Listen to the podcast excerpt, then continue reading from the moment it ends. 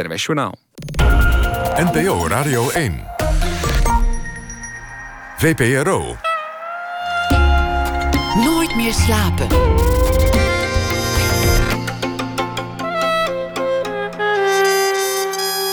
Met Pieter van der Wielen. Goedenacht en welkom bij Nooit meer slapen. Zometeen na één en een eerbetoon aan Chet Baker, de trompetist. En theatermaker Debbie Petter komt op bezoek. En Ivo Victoria laat zich inspireren door de waan van de dag. Komend uur praat ik met Susanna Jansen. In 2008 beroemd geworden met het boek Het Pauperparadijs. Over de geschiedenis van de arme kolonies in Veenhuizen. En de geschiedenis van haar eigen familie die daarmee samenhing. Ze werd op slag een eh, bestseller-auteur. En daarna werd ze ook theatermaker. Maar daarvoor was er toch een lange tijd in haar leven dat exact met haar leek te gebeuren, waar ze opgroeiend in een Amsterdamse tuinstad zo bang voor was. Wat ze noemde de patatmachine. Alle piepers die gaan er hetzelfde uitkomen. Een bestaan waarin al jouw bijzondere talenten helemaal niet tellen. In haar laatste boek komen drie verhalen op een uh, knappe wijze bij elkaar.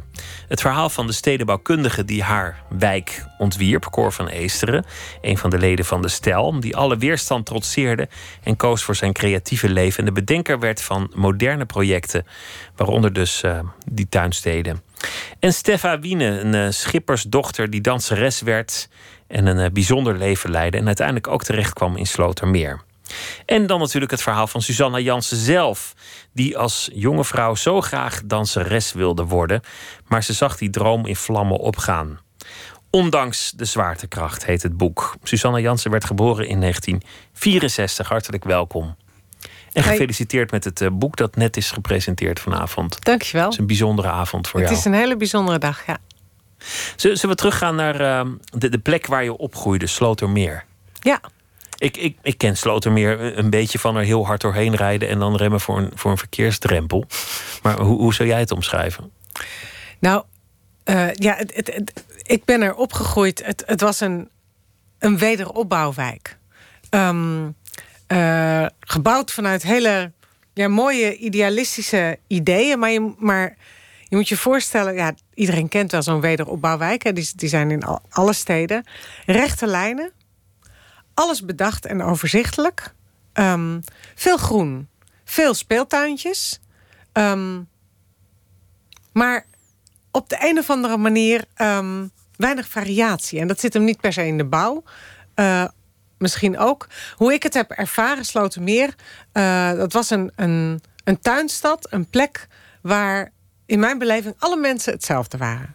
Alle huizen hetzelfde, alle straten hetzelfde, alle flats hetzelfde, alle mensen hetzelfde. Alle mensen hetzelfde. Voor, voor mij, um, in de jaren 60, 70, dat ik daar ben opgegroeid, waren uh, alle moeders huisvrouw. Alle vaders waren kantoorbedienden. Er waren geen andere volwassenen dan vaders en moeders, wat mij betreft. He, dat is het perspectief kind, van een kinderloze kind kende je daar niet? Ik niet. Er waren allemaal kinderen. En um, uh, ja, het was een, het was een buurt waar, ja, waar, waar, voor zover ik zag, niemand ooit naar theater ging, bijvoorbeeld. Of uh, naar een museum of een muziekinstrument bespeelde. Um, en de enige zwier tussen die rechte lijnen, die ging, wat mij betreft, uit van een, ja, een ontzettend lelijk, onogelijk, hoekig gebouwtje. Waarin um, zich een balletschool had gevestigd. En die heette Balletschool Steffa Wiene. Nou, moet je je voorstellen, die naam alleen al. Dat is een, een, een. Ja, daar ging een betovering van uit voor mij. Die balletschool Steffa Wiene. Er stond in de etalage een, um, ja, een gefiguurzaagde houten danseres. Van zwart, was zwart geschilderd met een witte tutu aan. En op de plek van uh, gewrichten zaten schroeven, bouten en moeren. Ja, en soms raakte die lam. En dan bogen al die gewrichten de verkeerde kant uit. En dan was het net alsof er echt een, een verschrikkelijk ongeluk was gebeurd. En die, ja, die knieën de verkeerde kant uitgingen. En, en de heupen de verkeerde kant uitbogen. Uh, nou ja, tot iemand die bouten iemand en moeren weer pakte. aandraaide. Maar da daar, daar ging zo'n magische werking van uit. Dat zette mij meteen aan het dromen. Ik, ik heb daar vaak geprobeerd naar binnen te gluren. om te zien wat daarachter gebeurde. Maar de gordijnen waren altijd dicht. Die wereld van de dans die fascineerde jou als kind. Ja. Dat, dat, dat was voor jou iets, iets om bij weg te kunnen dromen. Het was het summum. Het mooiste wat er was. Het absoluut mooiste wat er was. weet je wanneer dat gekomen is? Dat je voor het eerst gegrepen werd door die dans? Ja, ik denk dat dat uh, plaatsvond ehm, op 1 januari. Ik weet niet van welk jaar, maar ik denk dat ik een jaar of zes was. Dus zeg 1970. Laten we zeggen 19, dat zou dan 1970 zijn, inderdaad, precies. Um, uh, ik keek altijd met mijn ouders uh, naar het nieuwjaarsconcert. Dat om 12 uur begon. Of misschien wel op een ander tijdstip. Maar in mijn beleving begon het altijd op, om 12 uur op 1 januari. En um, in het nieuwjaarsconcert, je hebt natuurlijk het, het orkest uit Wenen. En de dirigent die voortdurend in close-up is en zo. Maar tussendoor is er tijdens dat concert altijd een paar keer een opname van, van dans, van ballet. Echt ballet, spitsen, tutus. Uh, zoals je klassiek ballet voor je ziet. En dat was, ja, daar werd ik zo door gegrepen. Dat, dat, dat, uh, ja, ik probeerde het na te doen natuurlijk. Ik probeerde meteen mee te doen. En, en daarna was, was voor mij elke 1 januari... Um, ja, ik zat daar klaar ver voor het programma begon. Want je wist niet wanneer die fragmenten dans kwamen... en hoe lang ze zouden duren. Dus je moest gewoon echt zorgen dat je, geen, dat je er niks van miste. Want ballet op televisie kwam sowieso bijna niet voor.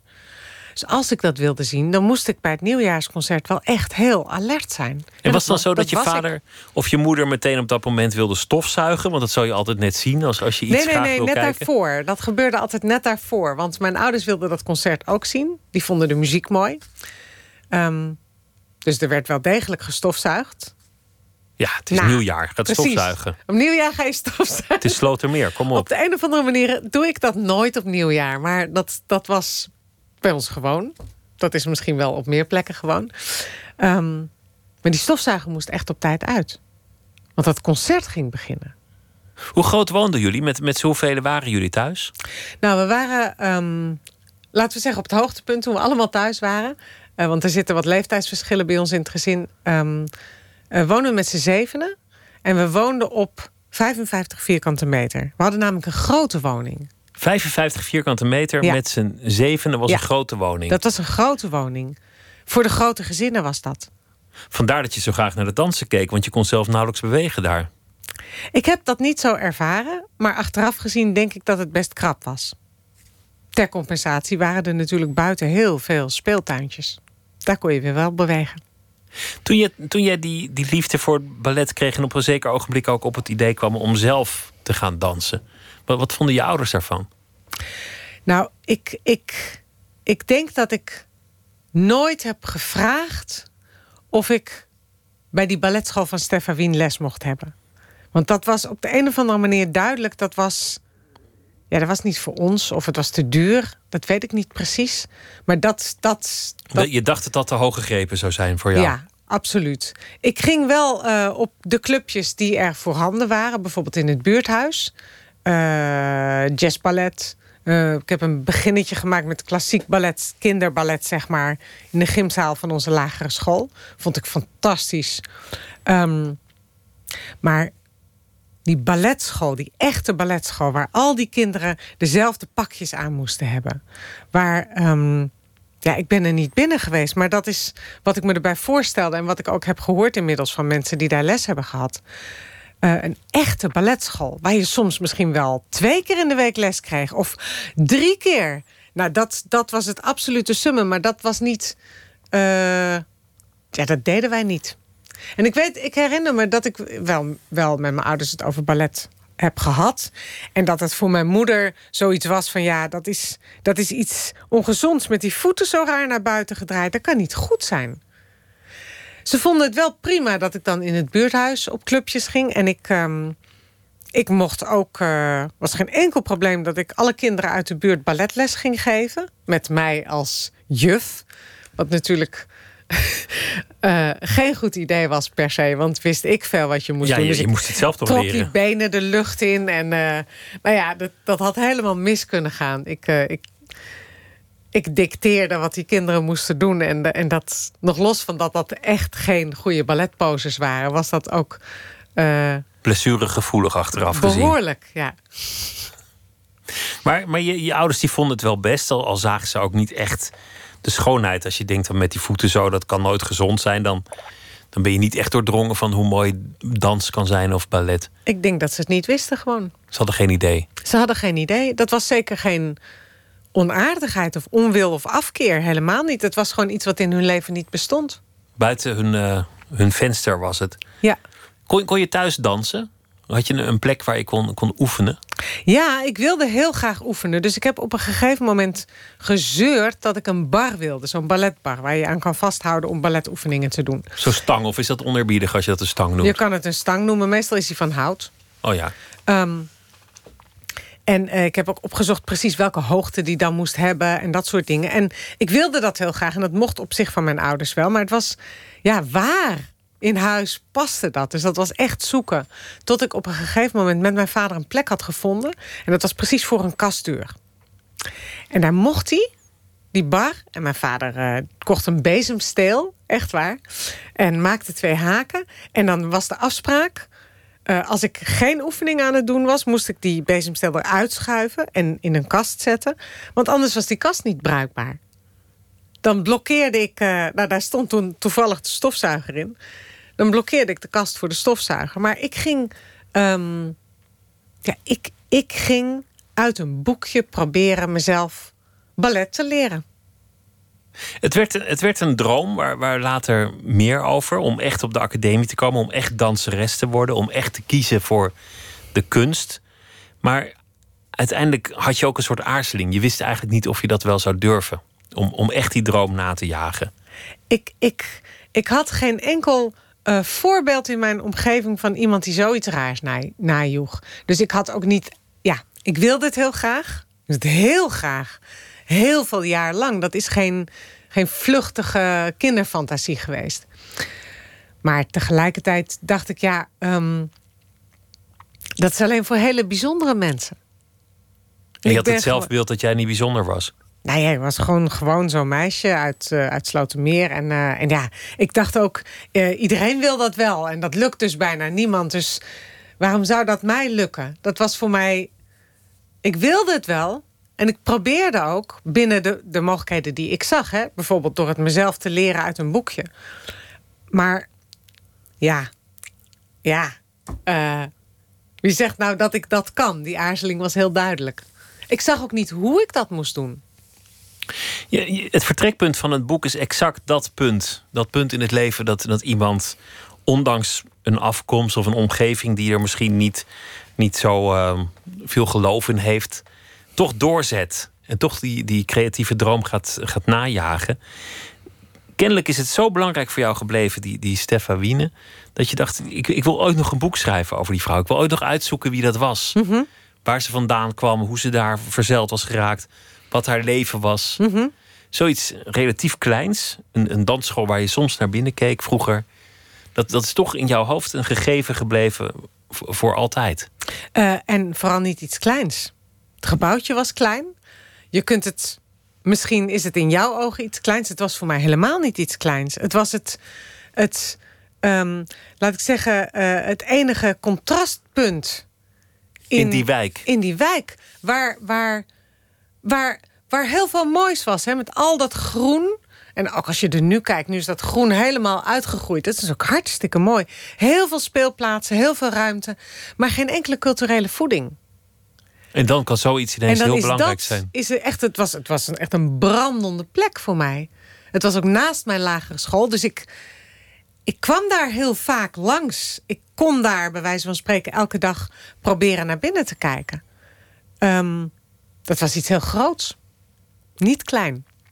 Maar dat, dat vind ik altijd mateloos interessant. Hoe, hoe iets kleins iets groots kan worden... omdat het een enorm inzicht kan voortbrengen... of een, of een enorme richting in iemands bestaan kan geven. Mhm. Een relatief futiele gebeurtenis... waar anderen aan voorbij zouden lopen... die anderen niet zouden Voor zien. Voor anderen is het klein, ja. Die, die kan in iemands leven ineens de totale richting veranderen. Ja, dat en soms is dat, dan...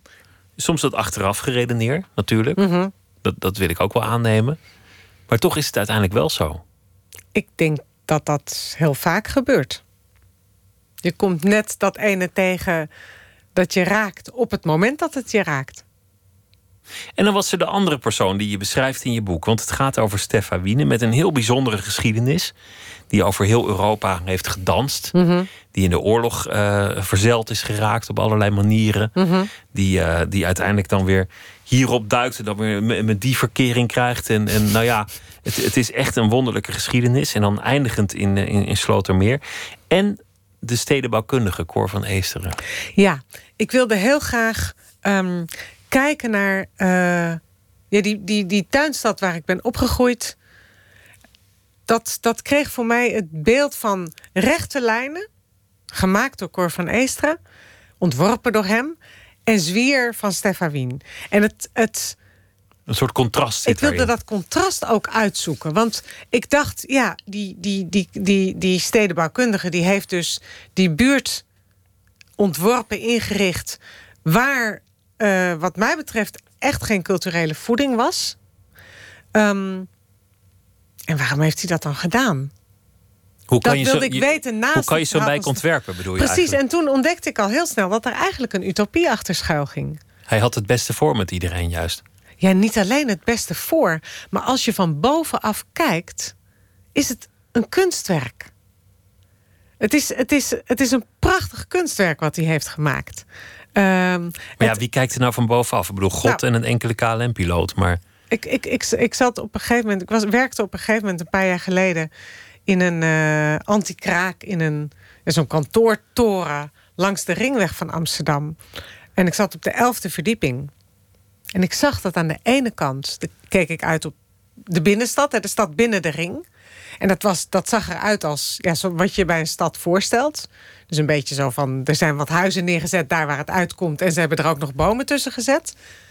En aan de andere kant keek ik uit op die overzichtelijke buurten van de westelijke tuinsteden van Amsterdam. Nieuw-West. Dus niet alleen Slotermeer, maar al die tuinsteden die Cor van Eester heeft ontworpen. Dat zijn, dat zijn er zes of zo. Vijf, zes. Ehm, en daar was alles overzichtelijk en duidelijk. Eh, grotere wegen rond een buurtje met kleinere wegen. Dus het verkeer werd zoveel mogelijk buiten de woonhuizen gehouden. Ehm, eh, alles, alles geordend en overzichtelijk. En, en dat gaf het beeld van een, van, ja, van een, van een, van een Mondriaan of van een Theo van Doesburg-achtig werk. Ehm, dat is een kunstwerk. Hij heeft een kunstwerk gemaakt. En dat vond ik echt zo'n absurd idee. Dat die, die, die buurt waar voor mij, eh, die voor mij verstoken was van kunst. Van, van dat soort. Van die dingen die, me, die, mijn, die me op die manier zouden prikkelen. Ehm, dat dat eigenlijk een kunstwerk was. En dat was zo intrigerend. Want, want je noemt eh, Mondriaan en, eh, en eh, Theo van Doesburg en dat soort mensen. Die, dat waren persoonlijke vrienden van hem. Ja, ik directe noem, ik noem collega's. ze natuurlijk niet toevallig, maar het is ook niet toevallig dat zijn werk er hetzelfde uitziet. Want hij maakte echt deel uit van die beweging. Hij was deel van de stijl. Hij heeft mede de stijl gemaakt tot wat het is. Zoals alle kunstenaars die daarbij hoorden hun eigen invloed hebben gehad, hun eigen bijdrage hebben geleverd. En Cor van Eestra was er daar één van. Le Corbusier eh, respecteerde hem heel erg. Ja, Die bewonderde hem, de, de, de grote legendarische Le Corbusier. En toch heeft deze man jarenlang geen voet aan de grond gekregen. En dat hoort er eigenlijk bij. Wat, wat, wat ik heel. Kijk, ik heb, ik heb die twee levens ehm, eh, gevolgd. Van Cor van Eester en van Stefan Wien.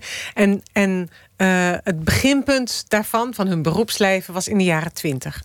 In de, mm, eh, ja, die, die avant-garde periode. De tijd van de, van de futuristen en de constructivisten en Dada. En dus de stijl en het Bauhaus. En ook van Le Ballet Russe, om dat er even bij te halen.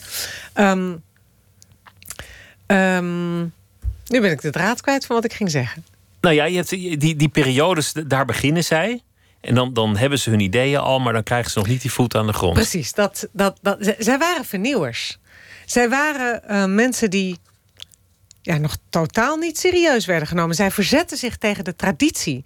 Ehm, eh, je moet je voorstellen, in die tijd, begin jaren twintig, was de stad, het fenomeen stad, radicaal aan het veranderen. En dat had te maken met het feit dat het ja, het was midden in het machinetijdperk. Uh, de industriële revolutie had uh, uh, automobielen voortgebracht en fabrieken midden in de stad. Um, er was een enorme trek op gang gekomen van het platteland naar de steden. Dus er woonden ontzettend veel mensen in de steden. Die steden raakten overvol. En de oude stadsplattegronden, zoals die eeuwenlang waren geweest, die functioneerden niet meer. Want je kon niet meer goed daar wonen. Mensen woonden slecht. Hadden slechte hygiëne, waren uh, daardoor ongezond. Um, en het verkeer was hartstikke gevaarlijk. Niemand wist nog wat je met die automobielen aan moest. Die konden al 100 km per uur rijden. Maar er waren nog geen verkeersregels die daarop ingesteld waren. En um, die, uh, die avant-gardisten in die tijd, die wilden... Um, ja, die wilden... De, ja, die, die zagen dat de tijd... Dat, dat, dat, alles, dat alles anders werd. Want, want Cor van, en, Cor en, van daar, en daar Eesteren, gingen ze oplossingen voor zoeken. die wilde En dus- zelfs van de, van de Amsterdamse binnenstad af. Nou, Zij- op, ja, op een gegeven moment. Kijk, ehm, hij, hij kreeg dus jarenlang, zeven jaar lang, geen voet aan de grond met zijn ideeën. eh, omdat zijn ideeën totaal niet mainstream waren. Nu, en je kunt terugkijken op, op bijvoorbeeld de stijl of het Bauhaus. En nu is dat nu knik je serieus. En dan is er een tentoonstelling en dan ga je dan heen of niet. Ehm, en dan snappen we dat. Maar dat waren mensen die, die ja, die lopen er nu ook rond. Kunstenaars die iets aan het maken zijn waarvan niemand snapt waar ze mee bezig zijn. Of waarom ze het doen. En die misschien over honderd jaar bekend zijn. En dat, dat gebeurde met Cor van Eesteren. Die, die had gewoon moeite om voet aan de grond te krijgen. Omdat zijn ideeën zo nieuw waren. En, En het zette wel door. hij kon niet opgeven. Die drang, zijn, zijn Het was overtuiging. geen optie. Hij, hij kon niet opgeven. Hij heeft zeven jaar lang ge, ge, ge- gehoopt, nou, heel hard gewerkt... om te laten zien wat hij waard was, wat zijn nieuwe ideeën waren... in de hoop dat hij iets daarvan kon maken. Maar gedurende die hele periode was hij niet in staat om echt ander werk te verrichten omdat hij dat gewoon niet kon, want dat was niet goed. Dat kon hij niet. Hij, had, hij heeft dus tot zijn 33ste bij zijn ouders gewoond. Ja, omdat hij niet genoeg verdiende. Om op zichzelf te gaan wonen, om te gaan, gaan trouwen bijvoorbeeld. Wat hij sowieso wel al een heel ouderwets instituut vond. Ehm, omdat hij geen gewoon werk kon aannemen. Hij kon alleen maar maken wat, wat volgens hem goed was. En dan, en dan komt het interessante, want, want hier gaat het boek over. Over, over de, de overtuiging dat je iets moet maken. En mensen die met weer en, en tegenwind toch doorzetten. Ja. En uiteindelijk kwam jouw eigen verhaal er ook in terecht. Ja. Dat was je aanvankelijk niet van plan. Nee. Je, je wilde gewoon een, een boek over deze twee mensen maken. En, en dat contrast tussen de, de zwierige danseres en de rechtlijnige stedenbouwkundige. Mhm. En je eigen verhaal van een meisje dat droomt van een carrière als danseres. Dat, dat moest er gewoon bij. Ja, ik heb heel hard mijn best gedaan om dat er buiten te houden. Ik wilde om te beginnen geen ik-persoon, want ik dacht dat heb ik in het Pauperparadijs al gedaan. En eh, dat, dat is nu klaar. Ehm, maar dit verhaal over ja, wat ik zelf heb geprobeerd met dansen, wat dus niet gelukt is, dat wilde ik er al helemaal niet in hebben. Ehm, ja, om te beginnen dacht ik, wie zit daar nou op te wachten? Want er lukken wel vaker dingen niet. Precies, iedereen droomt wel eens wat. Toch? Bij de meeste mensen lukt het niet. Big deal. Maar tegelijkertijd had ik ook niet zo'n zin om daarin te duiken. Ik vond dat allemaal wel een beetje ingewikkeld. Het is toch steeds pijnlijk, bedoel je? Eh, ja. ehm, en het is ook lastig, pijnlijk om. om, om, om eh, te onderkennen dat je dus hebt gefaald. Dat het niet gelukt is. Dat, dat jouw grote en dat droom. helemaal om dat publiekelijk te doen in een boek. Hè? Dat is dan nog, nog wel een stap ingewikkelder. Maar, want je kwam een heel eind. Je, je werd een aantal keer afgewezen voor dansopleidingen, maar kwam uiteindelijk in, in Rotterdam toch nog op de academie terecht. Daar deed je een fulltime opleiding tot danseres. Leek even heel goed te gaan. Mhm. En toen kwam er een ontzettend pijnlijke blessure. Ja, je, je schenen. Je had een soort, een soort eh, gespleten scheenbeen of zoiets. Nou, de- dat niet hoor. Maar wat, wat was het precies? Nee, het, het botvlies van mijn scheenbenen was eh, ontstoken. Maar dan zodanig dat het, dat het ontstoken bleef, dat is pijnlijk. Nou ja, iedereen, iedereen die wel zijn scheenbeen heeft uh, gestoten, weet hoe pijnlijk dat is. Ja, het is, het is ook iets wat heel veel hardlopers kennen. Het heet dan shin splints. Dat komt ongeveer op hetzelfde. Dat is hetzelfde. En dat was het einde van je, van je danscarrière? Dat is het uiteindelijk geworden, ja. Ik heb, ik heb een, uh, nou wel negen of tien maanden geprobeerd uh, daarvan te herstellen. Dat is niet gelukt. Dus toen moest ik ophouden. Je, je schrijft over, over de patatmachine. Dat je, dat, dat je eigenlijk daar bang voor was. Alle piepers die, die zijn allemaal anders. Elk aardappotje heeft zijn eigen vorm. Maar ze komen er allemaal recht uit als dezelfde frietjes. Mhm. En zo zag jij het leven als, als, als jonge vrouw. Als, als 18-jarige. Ja. tiener. Ja. ja. Nadat die dansopleiding mislukt, is dat eigenlijk exact het pad dat je in bent gegaan. Het, het is ongelooflijk. Ik zag het. Het gek is dat, maar toen ik het opschreef, zag ik dat heel helder.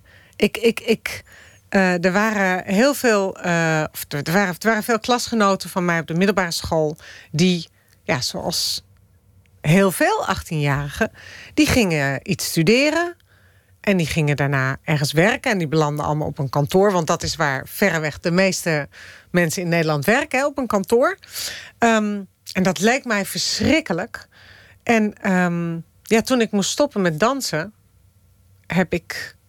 Ja, is dat precies wat mij, met mij is gebeurd? Ik ben naar de HAO gegaan, een avondopleiding, en overdag zat ik op kantoor. En dat was inderdaad exact waar ik bang voor was. Dat zag ik pas toen ik het boek had opgeschreven. Uh, dat, ja, toen ik dat in het boek had opgeschreven. En um, ik dacht echt, ik heb dat heel lang gedacht, wel twintig jaar of, of langer. Ik dacht, oké, die wereld van de kunst, dat ballet of wat dan ook. Ik heb het geprobeerd. Dat is dus niet gelukt. Dat is dus niet voor mij weggelegd. Zie je wel. Te hoog gegrepen. Die deur is gesloten. En ik heb hem ook, denk ik, zelf gesloten gehouden. Ik weet niet precies hoe dat dan van binnen werkt. Um, uh, ik heb me geamputeerd gevoeld, verstoten uit een wereld waar ik in wilde zijn, maar ik zag geen mogelijkheid. Uh, en dat heeft een. een, een Kijk, ik heb, ik, heb, ik heb leuk werk gehad. Hè? Ik heb leuke collega's. Leuk, hè? Dat is allemaal gewoon een leven waar niks. Ik heb niks te klagen. Je, je was er vast zo goed in. Je was accuraat en, en uh, Tuurlijk, Ik was net zo uh... gedisciplineerd als secretaresse als dat ik uh, aan een bar was. Dat is dat. dat natuurlijk. Um, dus ik kon dat wel. Dat was het probleem helemaal niet. Maar ik. ik ja, ik voelde me. Er zat, er zat. Er heeft zo lang een heel groot vuur bij mij van binnen gewoed waar ik wat geen kant uit kon. Zo heb ik dat gevoeld. Um, en achteraf gezien denk ik, ja, dat, dat, dat was die grote behoefte om, om hoe moet ik het formuleren, om me, om me uit te drukken. Om, om iets te maken dat alleen jij gemaakt zou kunnen hebben. Om iets te maken. Om te beginnen. Ja, in het, in het pauperparadijs, dat, dat, daar kwam je eigenlijk via omwegen in terecht. Dat je dat verhaal ineens ging opschrijven mm en uitzoeken. Mhm. Over, over de, de, de kolonie in Veenhuizen, in, in mhm. Drenthe, waar, waar de, de armen werden heropgevoed en ondergebracht. Mhm. En eigenlijk, ja, daar, daar draaide het op uit. Daar begon het niet om, maar gestraft voor hun armoede. Want het was verwijtbaar. Ja, ja, en ze moesten, ze moesten maar eens leren hoe je gedisciplineerd werd, et cetera. Ja. Dat ging ook over jouw familie. Jouw familie in verschillende generaties die allemaal daar terechtkwamen. Je, je stamt eigenlijk uit een uit een nest van sloebers, zou ik kunnen zeggen. Mhm, die generaties, absoluut, ja. Je schrijft ergens in het boek dat dat ook wel op jouzelf heeft doorgewerkt. Dat, dat die armoede van vorige generaties ergens nog in jou, in jouw geest, in jouw mentaliteit, in jouw brein mhm, mhm. aanwezig is. Dat schrijf ik in het Pauperparadijs. In het toch niet in dit boek? Nee, in het Pauperparadijs schreef je dat. Ja, ja, ja. Dat, dat, dat, dat, je merkte van ja, dat, dat, dat gaat nog steeds over mij. Dat zit er nog. Absoluut, absoluut. Kijk, ik ben. Ehm, die, die, die generaties voor mij, ik heb, ik heb in het Paradijs uh, vijf generaties voor mij beschreven, die allemaal um, ja, gewoon aan de onderkant zaten van de samenleving. En uh, de onderklasse, zeg maar. En ehm, bij het schrijven van dat boek en dat onderzoek wat ik daarvoor heb gedaan, heb ik me gerealiseerd dat dat. ehm, dat ik die mentaliteit heb meegekregen. Ik noem dat de mentaliteit van de armoede. Ehm, ik, ik bedoel daarmee. eh, kijk, ik ben, nooit, ik ben niet in armoede opgegroeid. Ik ben nooit arm geweest. Geen gebrek gehad. Absoluut niet. Ook niet heel rijk, maar, nee. niet, Maar niet, gewoon- maar, maar jouw moeder is, is wel in armoede Mijn moeder is heel arm geweest, ja, als kind. En ja, absoluut. En, en de generaties voor haar ook. En ehm, ik, ik heb me gerealiseerd dat, ehm, ja, zeg maar, die generaties voor mij, die hebben stuk voor stuk, om te overleven, zich braaf en afhankelijk moeten opstellen van mensen met een hogere positie. Ze waren daar afhankelijk van. Als je dienstbode bent, dan ben je afhankelijk van wat je mevrouw je aan eh, loon geeft. En of je af en toe rusten mag en dat soort dingen. Eh, dan ben je afhankelijk van je mevrouw om te overleven. Of van de directeur van de gestichte in Veenhuizen. Of van eh, de ambtenaar bij de sociale dienst die beslist of jij wel of niet geld krijgt. Dat soort dingen. En ik heb mij gerealiseerd dat ik, dat, dat ik heel lang ook op die manier in het leven heb gestaan. eh, gedacht. Ik hoop maar eh, dat mijn baas mij leuk werk geeft. Of Je, je plaats kennen heette dat vroeger. Ja, je plaats kennen. Dat is een hele, dat is een hele mooie formulering. Dat heb ik heel lang eh, gedacht. Ik heb ook gedacht dat de wereld minder van mij was dan van sommige andere mensen. En door het schrijven van het Pauperparadijs en dat, en dat onderzoeken van die hele geschiedenis, heb ik dat van me af kunnen werpen. Heb ik me gerealiseerd dat dat niet mijn eigenschap was. Dat ik helemaal niet zo bescheiden hoef te zijn en het ook niet per se ben. Ehm, ik kan me ook dat, voorstellen. dat kan je denken, maar in praktijk blijven dat soort gedachten natuurlijk toch als, als duveltjes uit doosjes Absoluut. tevoorschijn komen. De hele tijd. Maar als je weet dat ze er zijn, kan je ze weer terugduwen. Wat, wat zijn de momenten dat je dat merkt? Dat, dat, dat die oude mentaliteit weer eh, zich openbaart? Ehm, ja, dan moet me een voorbeeld te binnen schieten. Dat heb ik nu even niet. Als je, als je een mooie nieuwe auto koopt, ik weet niet of jij een Ik automobilist heb bent. niet eens een auto. Nou ja, een fiets. Je koopt een mooie blinkende fiets met, met drie versnellingen. Nou, nu zou ik, zou ik die gewoon kopen. Maar een paar jaar geleden nog zou ik dan tegen anderen zeggen: Ja, maar ik heb hem gekocht, want dit of dat. Ik zou het gevoel hebben Ik dat heb hem dat- nodig voor mijn werk. Of, dat ik het eh, moeten, moe- ja. zou moeten uitleggen. Ja, absoluut. Dat gevoel, dat gevoel heb ik heel erg lang gehad. En nu komt dat gevoel wel boven, maar ik doe het niet. Armoede heeft ook heel veel met schaamte te maken. Ja, Er is, er is nu zoveel te doen over mensen met schulden. ja. En, en over hoe die worden afgeperst door eh obscure incassobureaus. Ongelooflijk. Ongelooflijk. En, en ja, nou, tamelijk gore handel in, in schulden. Maar de mensen die geïnterviewd worden, die, die hebben allemaal een soort gêne om hun verhaal te vertellen. Ja, Ze schamen zich. ja. Terwijl ze worden genaaid. Ze hebben alle recht om zich daartegen te verzetten. Ja, maar het idee dat je niet als volwassene niet voor jezelf kan zorgen, dat is, dat is, dat, dat is wel heel ondermijnend. Dat vertel je liever niet. Dat begrijp ik heel goed. Maar die schaamte is de reden waarom die incassobureaus ermee wegkomen. Ja, ja dat is heel erg. En dus dienen, eh, dien- dienen er regels te komen waardoor dit niet zomaar kan. Mensen die in de meest kwetsbare positie zitten, die dienen wij te beschermen. Ja, met de, met de guillotine, wat mij betreft. Zo. Nou, dat is een uitspraak. Ja, nou, maar het zijn, er, er gebeuren echt, echt gruwelijke dingen in die, eh, in die, Ja, in die. Ja. Dat, wat ook weer een beetje in mentaliteit lijkt op, op wat jij beschrijft in het pauperparadijs. Mhm. Het, is, het is gewoon het straffen voor, voor. Dat is denk ik niet veranderd. armoede. Dat is denk ik niet veranderd. Op de een of andere manier blijven we toch allemaal neerkijken op mensen die het zelf niet redden. Dat is namelijk heel onaangenaam om te zien. Daar wil je eigenlijk niks mee te maken hebben. We willen allemaal dat we allemaal van die mensen zijn die het allemaal zelf kunnen redden. En alles zelfredzaam enzovoort. En dat niet iedereen dat kan, dat is heel onaangenaam om te zien. Dan kijk je liever weg. Dat is niet veranderd. Dat boek werd een, werd een reusachtig succes, omdat het een, een mooi verhaal was, een bijzonder verhaal. Misschien ook wel omdat er heel veel mensen afstammen van mensen die op een zeker ogenblik in zo'n pauperkolonie hebben gezeten. Mhm.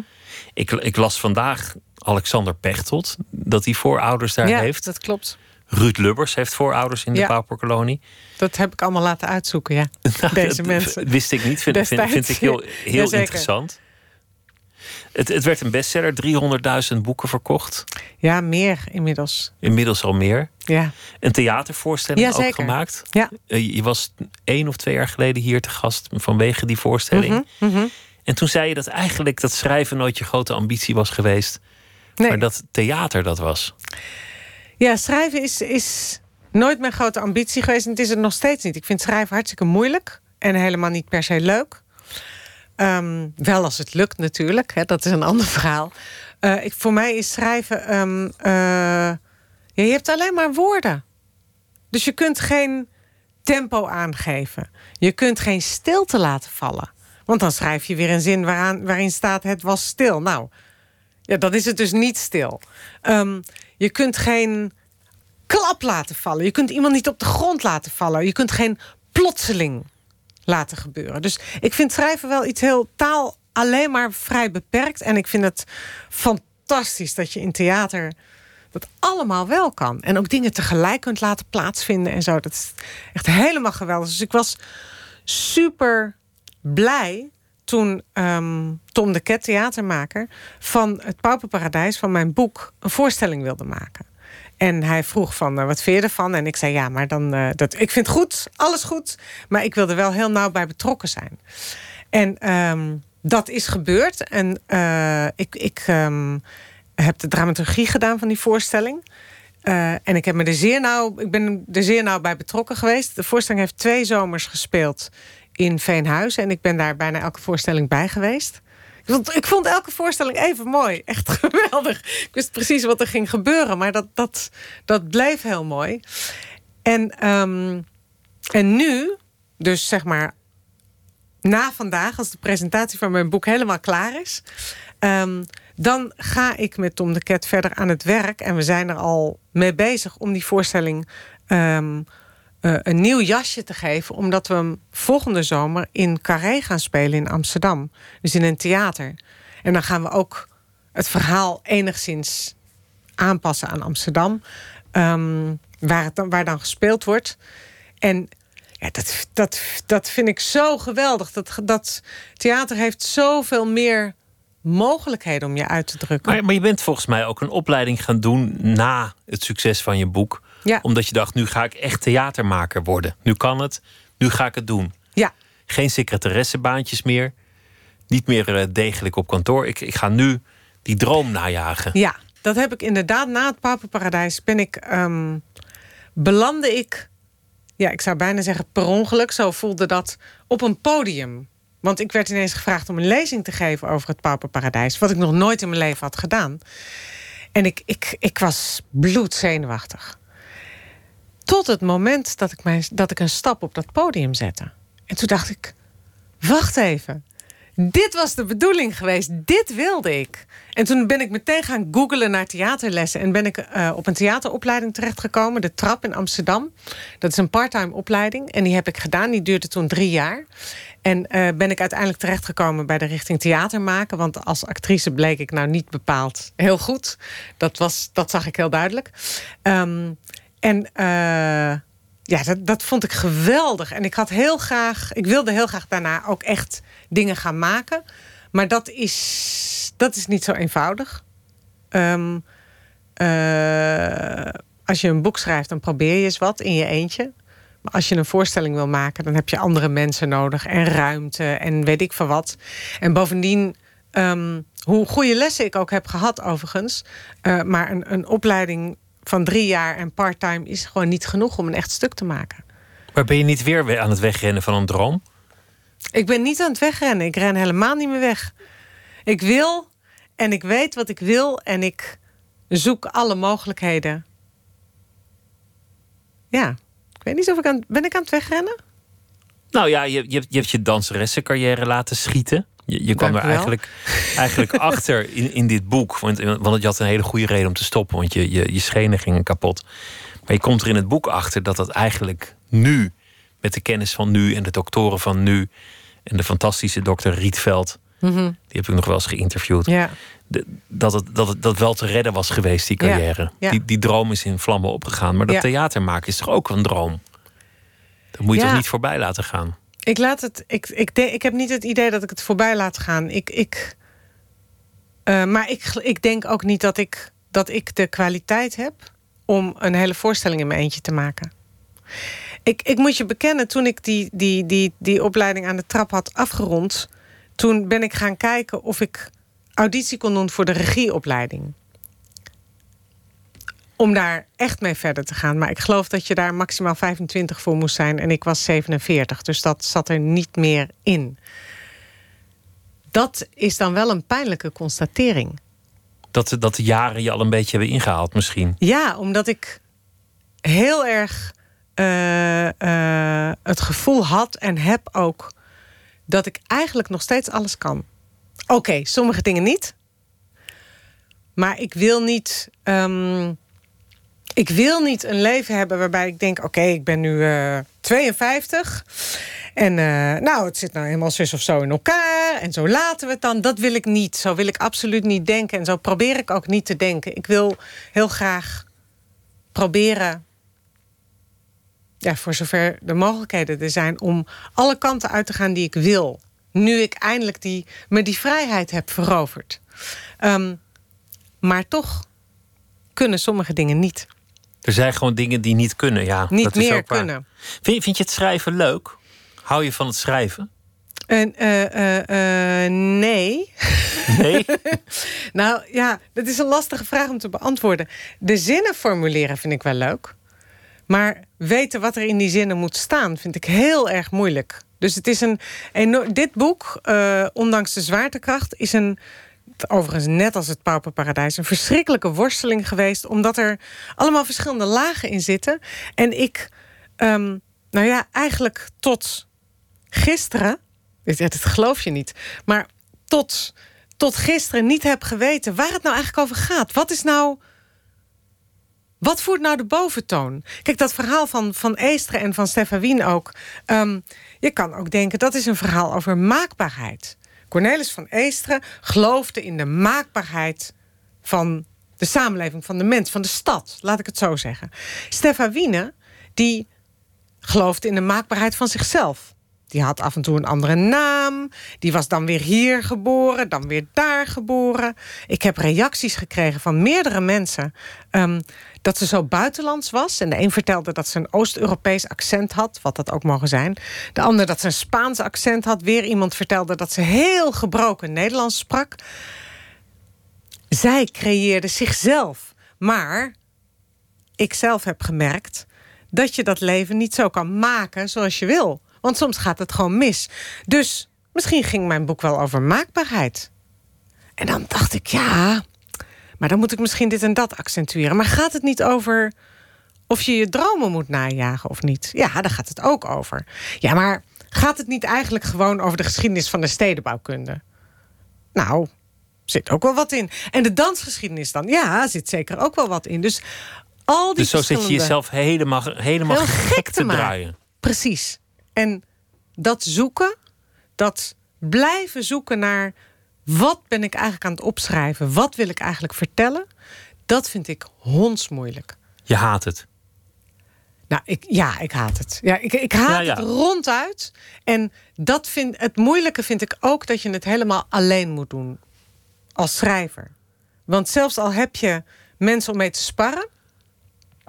dan nog ben jij de enige die die keuzes maakt. En nou ja, bij theater bijvoorbeeld is het fantastisch. Dan zijn er allemaal verschillende mensen. De een doet de vormgeving en de ander de choreografie... en de derde de kostuums en de tekst en, en het licht en het geluid, noem maar op. En als je dan met elkaar rond de tafel zit... dan tjak, tjak, tjak, tjak, tjak, schieten de ideeën heen en weer. En dan ben je er misschien niet meteen... maar ben je wel meteen een eind verder. Maar goed, dat je het haat is geen reden om het niet te doen. Ik, ik, Dat, dat, dat is nou al twee keer gebleken, ja. ja, ik, ik heb ook wel eens een pianist gesproken die haatte die piano. Wauw, Die had, die had zo'n hekel aan het instrument. wat erg. Fantasieën dat hij hem in de fik mocht steken.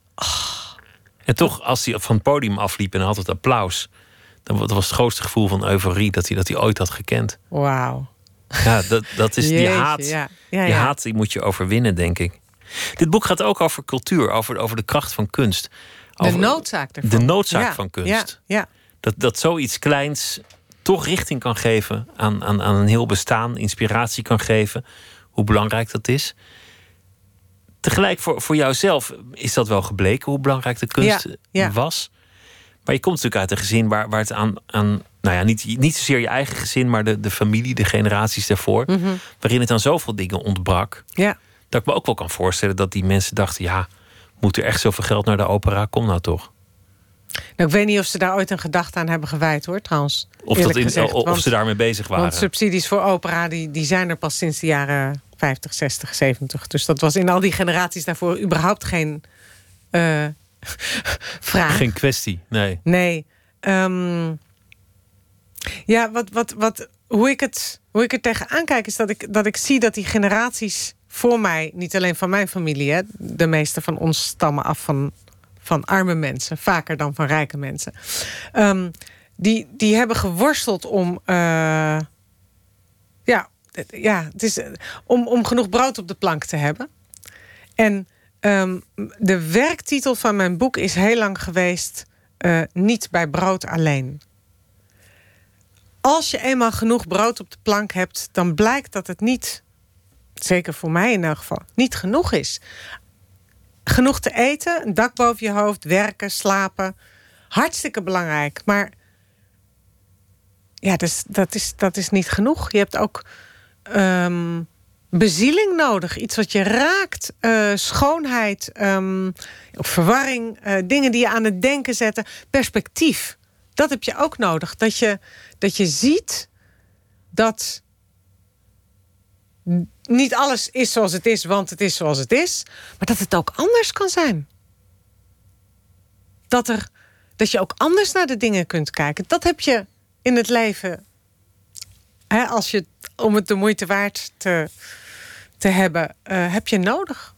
Maar jij ontdekte dat voor jezelf zo na 2008, toen het Pauperparadijs eh, een succes werd. En, en je besloot: oké, theater is eigenlijk wat ik het ik, moet mooiste dat, vind. ik moet dat, ik moet dat gaan doen. proberen en kijken wat er gebeurt. Ja. Dan zijn we iets verder dan, maar zeg 2010.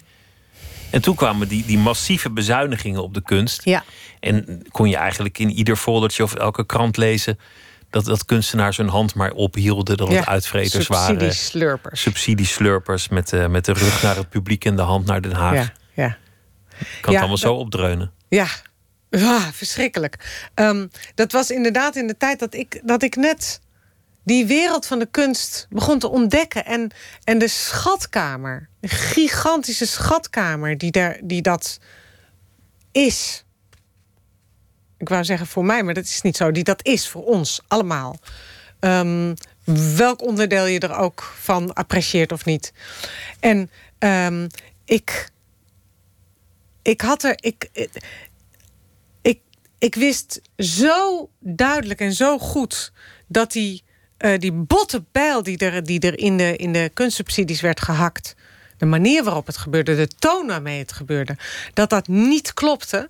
Maar ik had geen enkel argument, ik had geen enkel weerwoord. Ik, ik dacht, ja, ja, ja, oké, als er bezuinigd moet worden, ja, ja, natuurlijk, waarom dan niet hier? En ehm, ja, oké, tuurlijk, eh, inderdaad. ehm, Waarom moet de opera gesubsidieerd terwijl Lowlands niet gesubsidieerd wordt? Ja, ja, ja. En ik wist dat het niet klopte. En ik wist niet waarom. En dat is, dat is een, een van de aanleidingen geweest voor mij om, eh, om dit boek te gaan schrijven. Omdat ik wilde uitzoeken wat dan het belang van kunst was. In elk geval voor mij, want dat is natuurlijk een hele grote vraag. Eh, dat is een van de redenen geweest waarom ik die levens van Stefan Wien en Cor van Eesteren wilde, wilde volgen. En dus ondertussen moest uitzoeken wat er met, me- met mijzelf was gebeurd. Die conclusie, want net noemde ik het al, dat, dat je uiteindelijk die danscarrière misschien wel had kunnen hebben. Je, je, je zei er aan de ene kant over, ja, het was pijnlijk om erin te duiken, in, in, in die mislukking. Ja. Tegelijk zeg je ook, ach ja, iedereen probeert wel eens wat en de meeste dingen mislukken. Waar hebben we het over? Dat zijn twee tegengestelde en allebei valide reacties Ja. op Ik- hetzelfde biografisch ik me- gegeven. Ik meen die eerste. En die tweede, dus ach, iedereen heeft wel wat. Dat was mijn, ja, mijn aarzeling en mijn vrees om het er überhaupt over te hebben. Ik wilde dat liever wegwuiven. En ik dacht dat iedereen dat zou wegwuiven. En tot ik dacht, ja, misschien is dat wel zo, maar ik moet het serieus nemen. Ik vind het altijd zo mooi, het, het, het leven dat iemand niet geleid heeft. de weg die je niet bent ingegaan, of de, Mhm. de liefde die nooit van de grond kwam, of de carrière die er nooit kwam. Kortom, alle dingen die er niet gebeuren. Mhm. Die worden ook altijd uit de biografie weggepoetst. Alsof ze er nooit zijn geweest. Maar eigenlijk vind ik die veel boeiender. De levens die mensen niet hebben. Ja, In dit geval ook. Ja, dit is het, het leven dat jij nooit hebt gehad. nee. Voilà, daar zitten we dan. Ja, ik, ik- ja, ja. Ik, ik, ik kijk gelukkig nu een klein stapje verder. Ik denk, dit is. eh, Oké, 17 oktober 2017. Ehm, ik ben nu 52. Dit heb ik meegemaakt in mijn leven. Of deze keuzes zijn wel of niet gelukt, enzovoort. Ehm, en dan kijk ik vanaf vandaag wat ik, eh, hoe ik verder ga. En morgen kijk ik weer. En ehm, het is een realiteit dat niet alles lukt. En toen ik 18 was, dacht ik... je moet nu kiezen voor een... een, een eh, of je past je aan aan de samenleving... of je gaat je eigen weg. En, ehm, en nu weet ik, merk ik... dat, dat, ja, dat het allemaal wat genuanceerder ligt. En dat dat niet is... oké, we konden die weg niet op... dus, dus wordt alles helemaal niks. Nee, ik heb, het leven loopt zoals het loopt... Dat, dat is. eh, lieve help, wat een dooddoener, maar oh, oh, wat is hij waar? Ehm, en daarbinnen kun je, ik ehm, kan elke dag opnieuw besluiten nemen welke richting ik uit wil. En dan lukt het wel of niet. Maar in mijn tuinstoel gaan zitten. Ik heb geen tuin hoor. Maar in mijn tuinstoel gaan zitten en ehm, denken: Nou, zo is het. Want zo is het. Dat is voor mij onmogelijk. En dan, dan is er ook nog je, je, je echtgenoot, Frank Westerman, journalist en, en, en schrijver. En voor hem is volgens mij het leven op, op een andere manier heel eenvoudig, want die moet gewoon schrijven. Die, die wordt volgens mij diep ongelukkig als hij een dag niet achter zijn computer zit te, zit te rammen. Hij schrijft, ja. Maar, dat, dat is wat hij het liefste doet. dat, dat, dat, is, dat is eigenlijk. Je kijkt me nu bedenkelijk aan van wat heeft dit er nou weer mee te maken. Maar, Mhm, ja. maar zo kan het natuurlijk ook. Je hebt ook de, ook de mensen die, die eigenlijk gewoon maar één ding kunnen. Ik bedoel niet, niet dat ze niet andere dingen ook kunnen. Dat ze, dus ze kunnen ook vast wel een band plakken of, uh, de, of iets mensen, anders. Maar die, de mensen die zijn die, gewoon volledig ingesteld op dat ene ding. de mensen die één ding hebben wat ze heel graag willen... en het lukt ze om dat te doen... dat zijn de masselaars. Dan heb je gewoon geluk. Als je gewoon denkt, Dat denk ik, ja. allemaal opdonderen, ik moet schrijven. Wegwezen. En het lukt je nog ook. Ja. Dan denk, dat, eh, dan denk ik dat je een masselaar bent. Omdat je dan je kunt wijden aan dat wat je het liefste doet. Heb je echt gekozen nu voor het schrijverschap zelf? Nee, Nee? helemaal niet. Of zelfs een beetje niet ervoor gekozen zelfs? Nee joh, kijk, ik heb het Papenparadijs geschreven... en nu heb ik ondanks de zwaartekracht geschreven. En, En, tussendoor eh, ook nog wat dingen? En tussendoor ook nog wat dingen. En ik ben eh, met die theatervoorstelling bezig geweest. En daar ga ik weer mee aan de slag. En wie weet wat er volgende week gaat gebeuren. Weet niet of ik nog een boek ga schrijven. Ja, ik ben nu net uit die tunnel van vijf jaar gekomen. Dus op dit moment echt even niet. Ehm, maar later alsjeblieft eh, van alles op me afkomen. En dan zie ik het wel. Dat is, wel, dat is wel heerlijk om zo in het leven te staan. Dat alles gewoon open ligt en alles mogelijk is en dat je, dat je alles kunt najagen. Ik, ik ben, ik, dat, dat heb ik me veroverd. Op die manier in het leven staan. Um, en ik hoop dat ik dat kan volhouden. Dat is, dat is, dat is voor mij het prettigst. Prachtig. Het uh, boek heet Ondanks de zwaartekracht. Susanna Jansen, dank je wel dat je te gast wilde zijn en erover wilde vertellen. Het was me uh, genoegen om, uh, om hier met je te praten over, nou ja, over alles eigenlijk, zo'n beetje. We gaan luisteren nog naar Saint Vincent met een nummer dat heet Slow Disco. I sway in place to a slow disco and a glass for the saints and a bar for the road. Am I thinking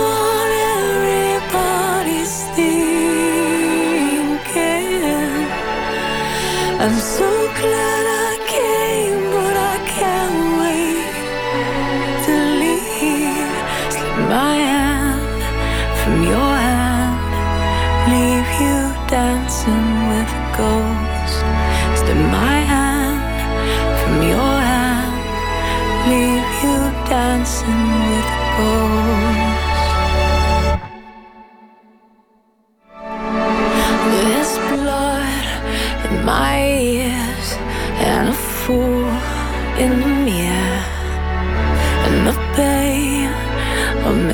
mistakes couldn't get any clearer.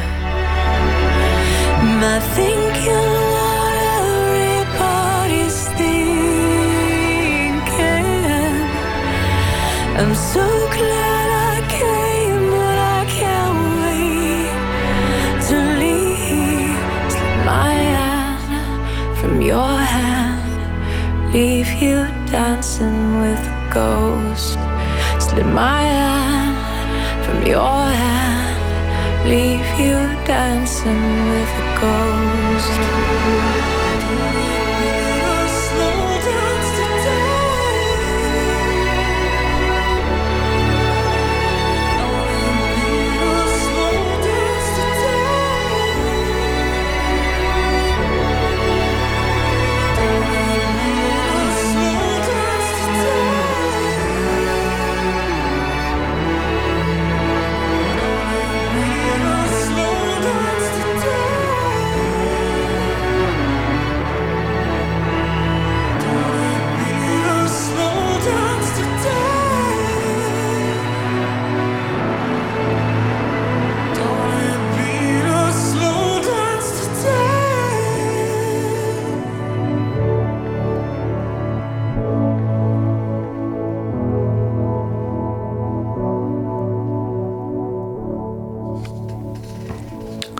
De Amerikaanse zangeres Saint Vincent heeft een eh, nieuw album, Mass Education.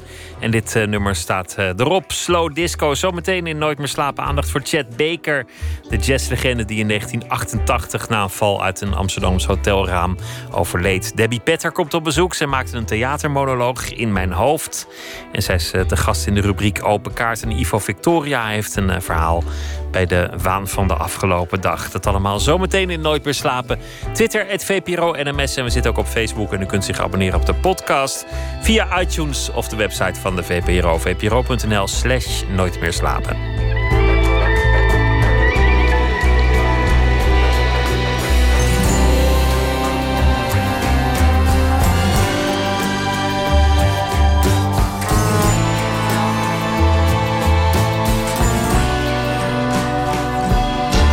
Op Radio 1. Het nieuws van alle kanten.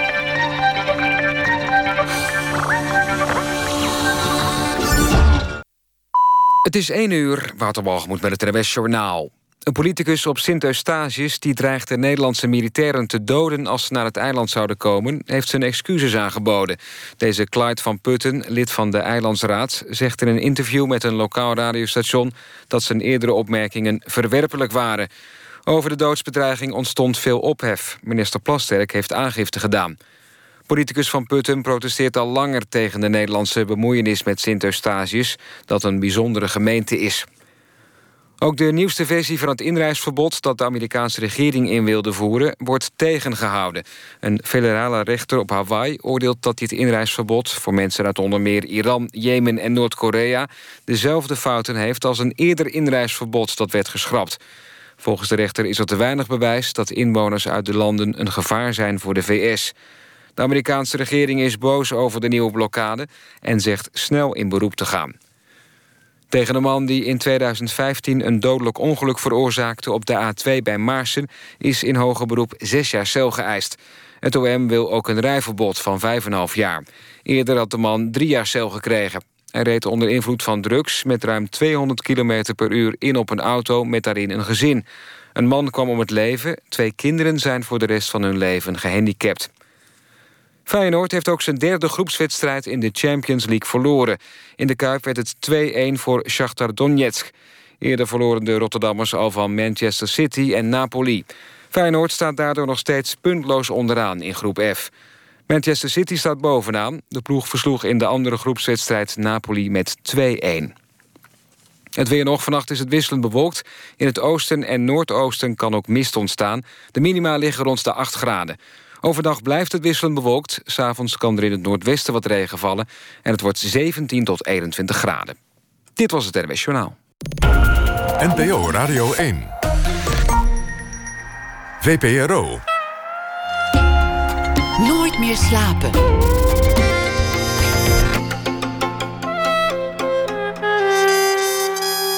Met Pieter van der Wielen. Zometeen aandacht voor uh, de Chet Baker Room. Een ode aan Chet Baker, die in 1988 overleed in Amsterdam. Theatermaker Debbie Petter komt uh, op bezoek vanwege de theatermonoloog In Mijn Hoofd. Over een vrouw van wie de man een pathologische leugenaar blijkt. Ivo Victoria heeft een verhaal geschreven bij het uh, nieuws van de afgelopen dag.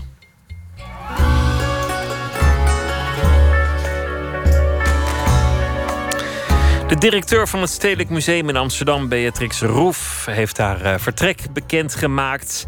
Ze was in opspraak geraakt na onthullingen van NRC Handelsblad over persoonlijke belangen die ze zou hebben gehad bij sommige keuzes die ze als museumdirecteur heeft gemaakt. En ook had ze niet al haar neveninkomsten openbaar gemaakt. Kunstverzamelaar Bert Kreuk kent uh, de vuile wereld rond de schone kunsten als geen ander. Hij schreef zelfs een uh, boek daarover. Goeienacht. Goedenacht. Verbaast het je, deze affaire? Het verbaast mij helemaal niets. Waarom niet? Nou, ik, uh, ik denk dat iedereen in de kunstwereld uh, weet dat Beatrix Roof al voor haar aanstelling uh, kunstboeken uitgaf van kunstenaars die ze toonde in de, kunsthal in Zurich. Dus dat ze, ja, dat ze enige vorm van belangverstrengeling had, dat, dat was al geruime tijd bekend. En um, ja, dus ik verbaas me over de verbazing. Heb jij persoonlijke ervaringen met haar? Ja, ik heb uh, een, een, een bepaald punt uh, een, uh, een heel belangrijk schilderij willen uitlenen aan het museum, het Stedelijk Museum. En daar is twee maanden of drie maanden aan voor voorbereiding vooraf gegaan met twee curatoren. En dat was op het moment dat Beatrice Roef aantrad. En die wijfde ze weg vanwege haar persoonlijke banden met de galeries rondom een kunstenaar, Denvo, waarmee ik op dat moment een geschil had. Uh, toen was me heel duidelijk dat zij haar persoonlijke banden en persoonlijke belangen boven die uh, professionele bela uh, belangen van het stedelijk stelde. Er stonden geen muren tussen haar persoonlijke belangen en interesses en die van, van het museum. Dus als zij ruzie met iemand had, had het museum ruzie met iemand. Nou, nee, ze, ze, ze, liet zich leiden heel zakelijk door haar persoonlijke banden met, uh, met uh, privégaleries. Als je naar de, de programma kijkt van de stedelijk in de afgelopen jaren... dan zijn het vaak dezelfde kunsten die tegelijkertijd door bevriende galeries... commercieel in de markt worden weggezet. En dat waren kunstenaars zoals Seth Price, Avery Singer, Jordan Wolse. Het enige wat nog ontbrak in de museumtentoonstelling waren de prijskaartjes. Um, dus ja, die persoonlijke belangenverstrengeling was voor iedereen denk ik duidelijk om te zien. En ik denk dat het Raad van Toezicht uh, duidelijk hebben zitten slapen. Want als de hele wereld weet hiervan, en, uh, en behalve de Raad van Toezicht... dan vraag je je af of ze totaal incompetent zijn of ze ervan afwisten. En in beide gevallen zouden ze moeten opstappen. Wat zegt dit over het stedelijk?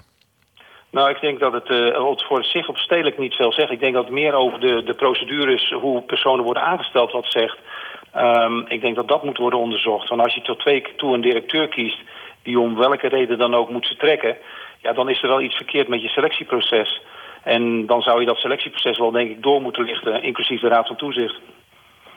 In dit geval had ze denk ik geen andere keuze dan op te stappen. Want eh, de, de, de verhalen bleven maar komen en het, het was allemaal tamelijk schimmig. Klopt, ja. Ja, dat klopt ook. Ze had ook geen enkele keuze. Kijk, als je twee NRC-journalisten uh, op een vrij eenvoudige manier dit naar de, naar de oppervlakte brengen... Um, en ja, eigenlijk de hele kunstwereld uh, hiervan afwist. En, ja, en dan nu uh, zeg maar een, een, de Raad van Toezicht een paar onderzoekjes gaat doen.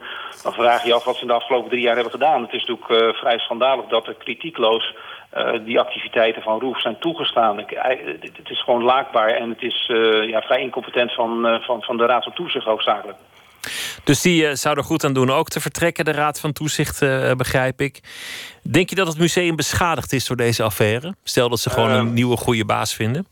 Nou, ik denk, ik denk wel dat, er een, dat, er, dat het heel jammer is dat de acties van één persoon de, het museum schaden. En dat, dat zal zeker op korte termijn het geval zijn. Maar uiteindelijk gaat het om de content van het museum. De content van het museum, het is een geweldig instituut. Ze hebben geweldige kunstwerken. Dus uiteindelijk eh, zal dat beperkt blijven. Maar het is natuurlijk heel jammer dat, eh, dat procedures niet goed worden gevolgd... en dat er geen transparantie is op hoe mensen worden gekozen. En eh, van als je bedenkt dat de Raad van Toezicht... de mensen, wie, wie kiest de Raad van Toezicht? Het is dus eigenlijk een heel nepotistisch systeem... waarbij ehm, mensen elkaar kiezen... En ehm, ja, dat, is, dat is eigenlijk in bepaalde lagen van het, van het stedelijk het geval. En ehm, ja, dat, dat zou veranderd moeten worden. Helder, dankjewel eh, Bert Kreuk. En een uh, goede nacht. Graag gedaan, dankjewel.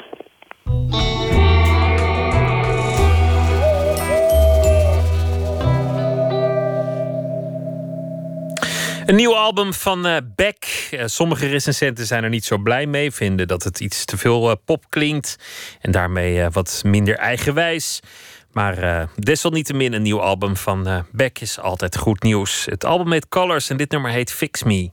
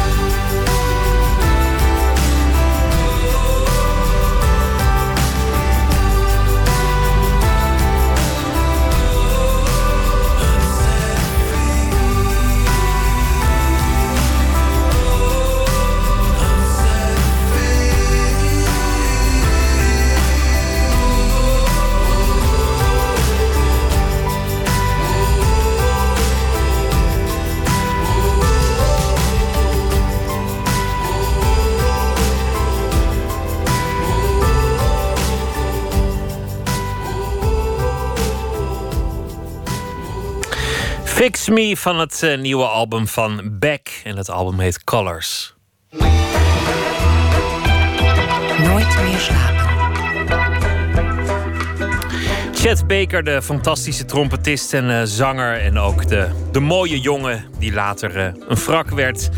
Zanger en theatermaker Marijn Brouwers speelde afgelopen zomer op de parade een voorstelling over hem, de Chet Baker Room. Over de man die in 1988 uit het raam viel in Amsterdam. Hij zocht eigenzinnige muzikanten om zich heen, waarvan opvallend genoeg niet één de trompet bespeelde. Vanaf nu hebben ze een avondvullende versie van de voorstelling in het hele land te zien. Botte Jellema ging naar een uh, repetitie.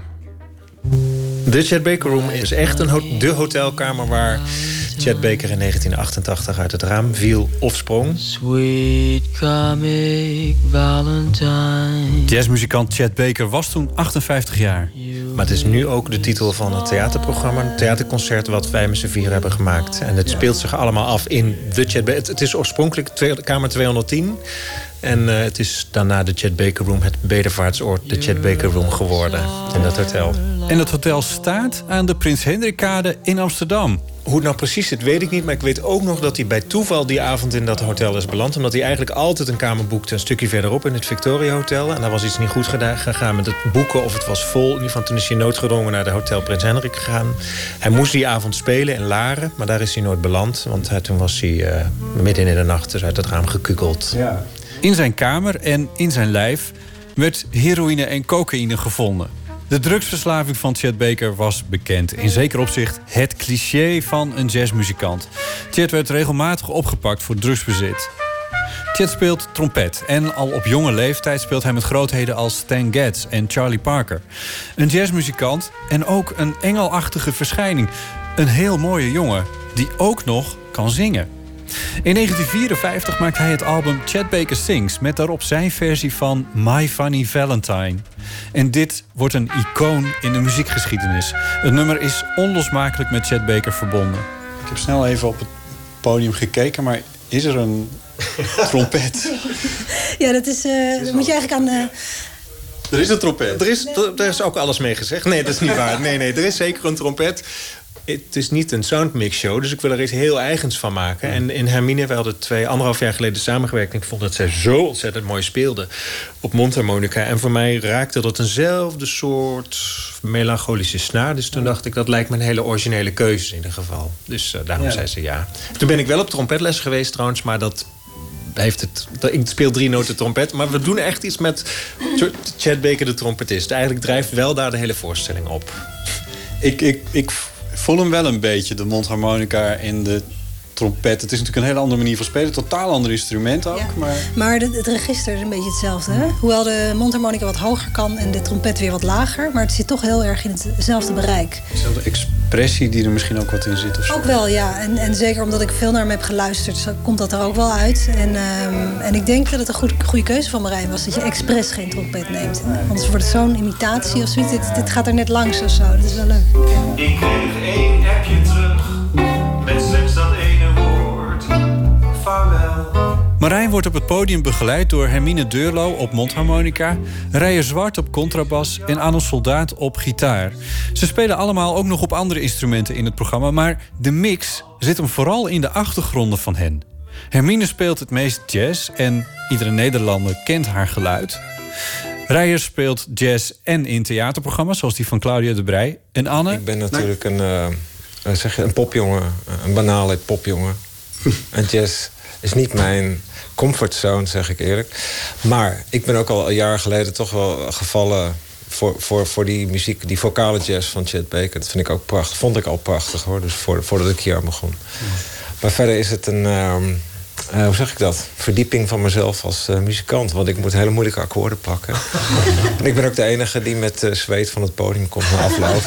en dat is angstzweet. De mensen, de mensen waarmee ik werk, Hermine Rijer en, en ehm, Marijn ook, die, ehm, die eh, pakken dat allemaal. Die hebben dat gestudeerd en zo. En ik moet, ik moet thuis, ik moet huiswerk maken, ik moet huiswerk maken. Maar dat vind ik heel leuk. Dus ik, ik, ik vind het ook heel bijzonder dat ik, dat ik meedoe en dat het. Dat het eh, dat ik, eh, dat ik het red. Ja, Ja. oké. Ja. meer dan dat. Meer dan Ja, ik vind het dus juist te gek dat we niet een, eigenlijk een jazzgitarist hebben, maar juist iemand uit de popwereld. Anne die kiest zulke mooie ehm, geluiden en eh, lijnen. Dat vind ik het juist eh, mooier maken eigenlijk en interessanter. Dus anders zou het misschien gladjes worden eigenlijk. Wat moet je kunnen om Chet Baker te spelen? Jullie willen niet Chet Baker spelen, maar je, je snapt misschien wat ik bedoel. Nou, je, je moet in ieder geval heel goed kunnen fraseren. Want ik denk dat dat zijn sterkste punt was. Echt een mooie zin maken en een verhaal vertellen. Dus je moet niet nootjes gaan ratelen en niet al je techniek laten zien. Want hoewel hij dat ook allemaal kon en ook had, liet hij dat allemaal weg. Dus het is bij hem een kwestie van weglaten ook. En, en fraseren. Maar ik vind, er gaat een soort donkere rust vanuit die, die nummers hè, van, van Chet. Hoewel hij ook wel up-tempo dingen heeft, maar zoals hij zingt. Ja. Is er, is er iemand van de bandleden die Chet ooit ontmoet heeft trouwens? Het is heel lang geleden natuurlijk. Je hebt hem Ik ont- heb hem vaak zien spelen en ik heb hem Oh, vaak echt? zien lopen in de stad. Maar ik heb nog nooit met hem gepraat. Ik heb vlak voor zijn dood zag ik hem lopen over de overtoom. En toen dacht ik, jeetje, hij ziet is een- wat ziet er er slecht uit inderdaad. En oh, ik moet hem nog gaan zien, dacht ik. Van, eh, toen was hij denk ik twee dagen daarna eh, overleden. Ja, of misschien een week daarna, ik weet niet meer precies. Ik stel me vreselijk aan. Laat me helemaal gaan. Het is die Het idee om een programma over Chet Baker te maken... ontstond bij Marijn Brouwers al lang geleden. Ik kreeg op mijn zeventiende heb ik een cassettebandje gekregen van een hele goede vriend van mij. Ik zat toen in op de toneelschool in Maastricht. En dat bandje had hij zelf melancholische mix genoemd. En dat was met eh, alleen maar liedjes van Chet Baker, vocale liedjes. Dus ik heb Chet Baker leren kennen als een zanger. En, en pas daarna dacht ik, oh, hij was eigenlijk trompetspeler. Ehm, ja, en ik voelde meteen dat dat bij mij past en dat ik daar heel veel mee heb. En dat het mijn melancholische aard raakt. En dat ik er troost in vind en ook weemoedig van word. En dat ik het gewoon heerlijk vind om naar te luisteren. Later ging Marijn naar de Kleinkunstacademie... en probeerde dit idee daar voor het eerst uit. En toen ben ik dus ook met een jongen die een jaar boven mij zat... zijn we als inspiratie een nacht naar de kamer gegaan. En wilden dan ook... Oh, echt? Ja, dus we hebben daar een nacht... Maar we gingen dan niet aan de drugs... maar we gingen dan wel heel veel whisky drinken. En dan probeerden we dat allemaal... Ja, weet ik veel wat we zochten. Maar we zochten in ieder geval iets. En ben je rond middernacht ook in dat raam gaan zitten? Ja, in dat raam gezeten. En we zijn toen ook, eh, ook nog naar Café Verhoef gegaan op de Zeedijk. Omdat hij daar... Dat hoorde er ook bij. Dat hoort, nou, ik wist van de, van de receptionist toen die zei... daar zat Chat heel vaak ook te jammen en te drinken en te zitten. Ehm, maar toen wist ik wel van ik ga hier op een dag iets mee doen. Want wat ik daar mooi aan vind is dat je natuurlijk aan de ene kant die prachtige muziek hebt... en die prachtige stem en dat hele engelachtige waar ik het net over had. Maar ook wel een heel... Ja, het is een leven zit vol dramatiek. Of het is nogal een tegenstrijdigheid. Het programma is voor een deel ook geschreven in die laatste hotelkamer van Chet... aan de Prins Hendrikade in Amsterdam. Maar ik, ja, ik, ik, raakte, ik ging er heel erg van aan in ieder geval. Van muziek en van zijn leven. En ook van zijn looks. En ik vond het, wat ik ook te gek vind is dat hij mannelijk en vrouw, voor mij mannelijk en vrouwelijk tegelijk is. Ik dacht, ja, het is een soort... Ja, echt een engel. Een engelachtig iets, vond ik het. Het vuur is uit. En tenslotte, niet onbelangrijk... zingt Marijn de liedjes van Chet in het Nederlands. Ik wil graag, ik ben een Nederlander en ik communiceer het prettigst in mijn taal. Dus ik wilde al die liedjes in het Nederlands zingen. Dus ik heb eigenlijk van eh, alle liedjes die er zijn ver- of hertalingen gemaakt. Wat wordt dan zoiets als My Funny Valentine? Dat heet Mijn Kleine Lieveling. ja. Mijn kleine lieveling. Zo'n fijne lieveling. Jij stilt mijn hart met jouw lach. En dat is wel een, eigenlijk is daar ook een groot deel van de voorstelling over het verhaal achter My Funny Valentine. Wat veel mensen niet weten. Dat is ook een lijn die in, het, in de voorstelling wordt verteld. Ehm, maar goed, daarover zal ik niet te veel verklappen, want dan Nou, kunnen de mensen komen kijken. Een klein beetje dan. Nou ja, kijk, ik zat in de vertaling gewoon te, te worstelen met Valentine en Valentine's Day. En ik weet dat het is natuurlijk een liefdeslied, maar het heeft eigenlijk niks met Valentijnsdag te maken. Val- Valentine, Valentine was gewoon echt een persoon. Dus echt een personage geweest in 1937. En over die man heb ik het. En eh, vervolgens dacht ik, wat wil ik daar dan mee in het Nederlands? Ik dacht, ja, ik vind Valentijnsdag is, vind ik een vrij Amerikaans iets. We proberen in Nederland dat het echt opgehyped wordt. Dat het ook echt cultuur, erfgoed wordt hier. Maar dat vind ik het niet. En toen vond ik, je, zit aan mijn kleine lieveling. En aan het einde van de zin komt lievelingsdag. Want eh, zeg maar dat ik blijven mag. Want dan blijft dit mijn lievelingsdag. Is mijn laatste, zijn de laatste twee slotzinnen. Die zeggen mij veel meer dan Valentijnsdag in ieder geval. Geef me je erewoord. Doe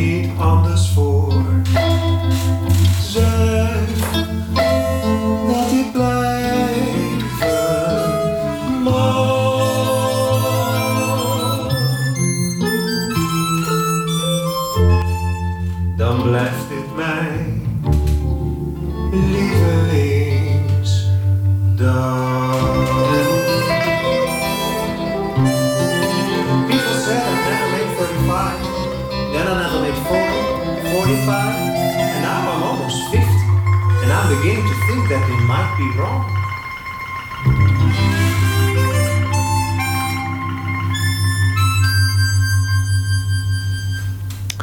Marijn Brouwers, theatermaker en zanger over de voorstelling The Chet Baker Room vanaf eh, heden te zien in het hele land. De officiële première is 6 november in eh, de Kleine Comedie in Amsterdam. En daarna gaat de voorstelling door tot begin februari. De Britse band uh, Jak met een nummer dat heet Wait and See, origineel van Lee Hazelwood uit 1968. Sorry for the things I've the things I've done. Sorry, but I could not help myself. Oh, but it's gonna be alright. It's gonna be alright. It's gonna be alright.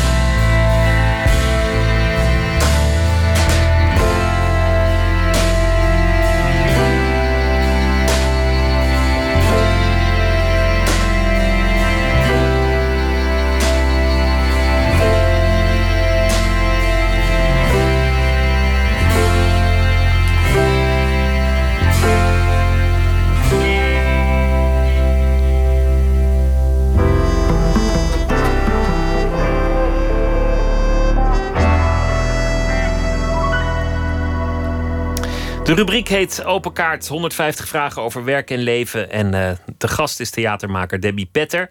Te zien in de theaters met haar eh, vierde monoloog In Mijn Hoofd. Een vrouw vertelt over de leugens van haar man. Dat zijn geen kleine leugentjes. Zo'n beetje zijn hele leven heeft hij bij elkaar verzonnen. En toch wil ze hem nog steeds niet kwijt. Hij belooft zijn leven te beteren, maar ja, hij heeft al eerder gelogen. Wat is er nog te geloven? Welkom, eh, Debbie Petter. Ja, dat, dat is een interessant dilemma. Iemand die eenmaal gelogen heeft, die, die kun je eigenlijk nooit meer geloven. Nee. En dan zegt hij, ik zal nooit meer liegen. Ja, dat kan ook weer een leugen zijn. Los dat maar eens op. Ja, ja, zo zit dat. Ja, los dat maar eens op. En dat, dat, dat probeer je natuurlijk wel. Want eh, ja, je gaat eigenlijk altijd uit van vertrouwen, toch? En dat wil je ook blijven doen, anders heb je, dan leef je niet leuk. Dus ga je proberen te helpen. En ehm, ja, nou ja, kijk maar hoe ver het komt. Ja. Het kan natuurlijk ook de boel een beetje spannend maken als iemand af en toe liegt. Het kan ook een extra dimensie toevoegen. Zeker. Ja, bovendien, eh, dat wist ik niet voordat ik me hierin ging verdiepen. We liegen allemaal zo'n gemiddeld zo'n twee keer per dag. Hè? Twee keer per dag? Ja, doen we allemaal. Dat zijn de little white lies. De, dat, is, dat is ons eh, ja, sociale cement, zeg maar. Dus dat, dat doen we ongemerkt. Maar ja, die zijn onschuldig. Dat is als je moeder vraagt, wat vind je van mijn nieuwe schoenen? Ja, leuk man, prachtig. Sta je Ja, heel goed. heel goed. Ja. Nou, nee, dat zou ik niet doen. Dat zou ik niet zeggen. Als mijn moeder schoenen aan zou hebben die ik niet mooi zou vinden, zou ik dat eerlijk tegen haar zeggen. Ja, ja. Nee, dus dat, dat niet. Maar misschien wel eh, als je iemand op zijn gemak wil stellen. Van, eh, joh, wat leuk wat je aan hebt. Van, het staat je hartstikke goed.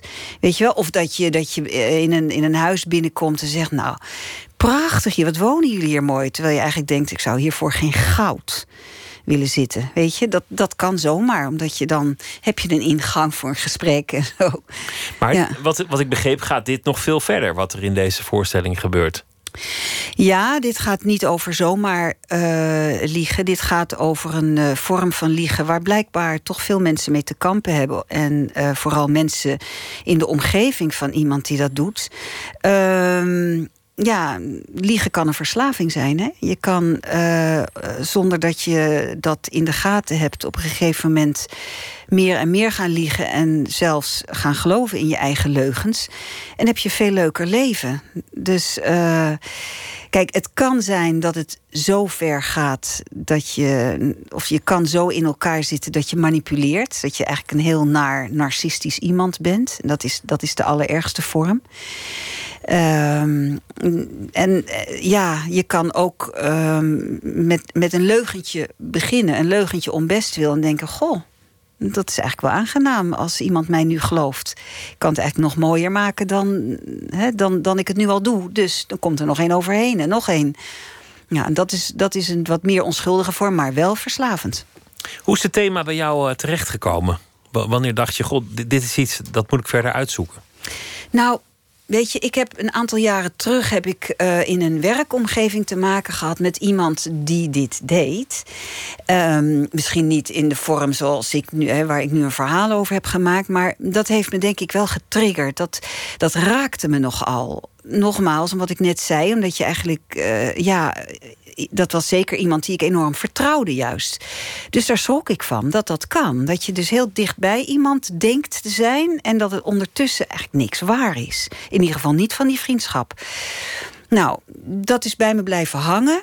En toen hoorde ik ehm, een tijd later nog eens een verhaal, zo'n soort gelijk verhaal. En toen dacht ik, nou, hier zou ik wel eens een voorstelling over kunnen maken. En toen ben ik me gaan verdiepen. En ook over gaan lezen. Ik ben mensen gaan interviewen. Nou, ja, een leugenaar kan je niet interviewen. Want ja, dan weet je, weet je niet of die, of die de waarheid spreekt. Die vind je ook niet. Mensen die dit gedrag echt eh, vertonen, die, die, ja, die, die willen zich niet laten interviewen. En, dan, en Maar als wel- zouden ze dat doen, dan heb je een interview waarvan je nog steeds niet weet Nee, wa- wat er precies. nou je weet niet of het, of het waar is. Nee. Dus, dus dat heeft niet zoveel zin. Maar ik heb wel mensen in de omgeving van zo iemand eh, kunnen interviewen. Ja. Ja. Het is, het is een beetje jouw vorm aan het worden in het theater. Om, om mensen met een vrij heftig verhaal op te zoeken. Om eigenlijk te putten uit de werkelijkheid. Of, of meerdere verhalen bij elkaar te vegen. Ja. En daar een monoloog van te maken die, die je dan wel weer heel erg jezelf eigen maakt. Ja, dat klopt. Precies zoals je het zegt. Zo doe ik het ook. Ja, ja. ja en ik was met iemand onderweg eh, voor, eh, voor deze voorstelling. In die zin dat ik was eigenlijk op zoek naar iemand eh, die ik ooit had gezien op televisie.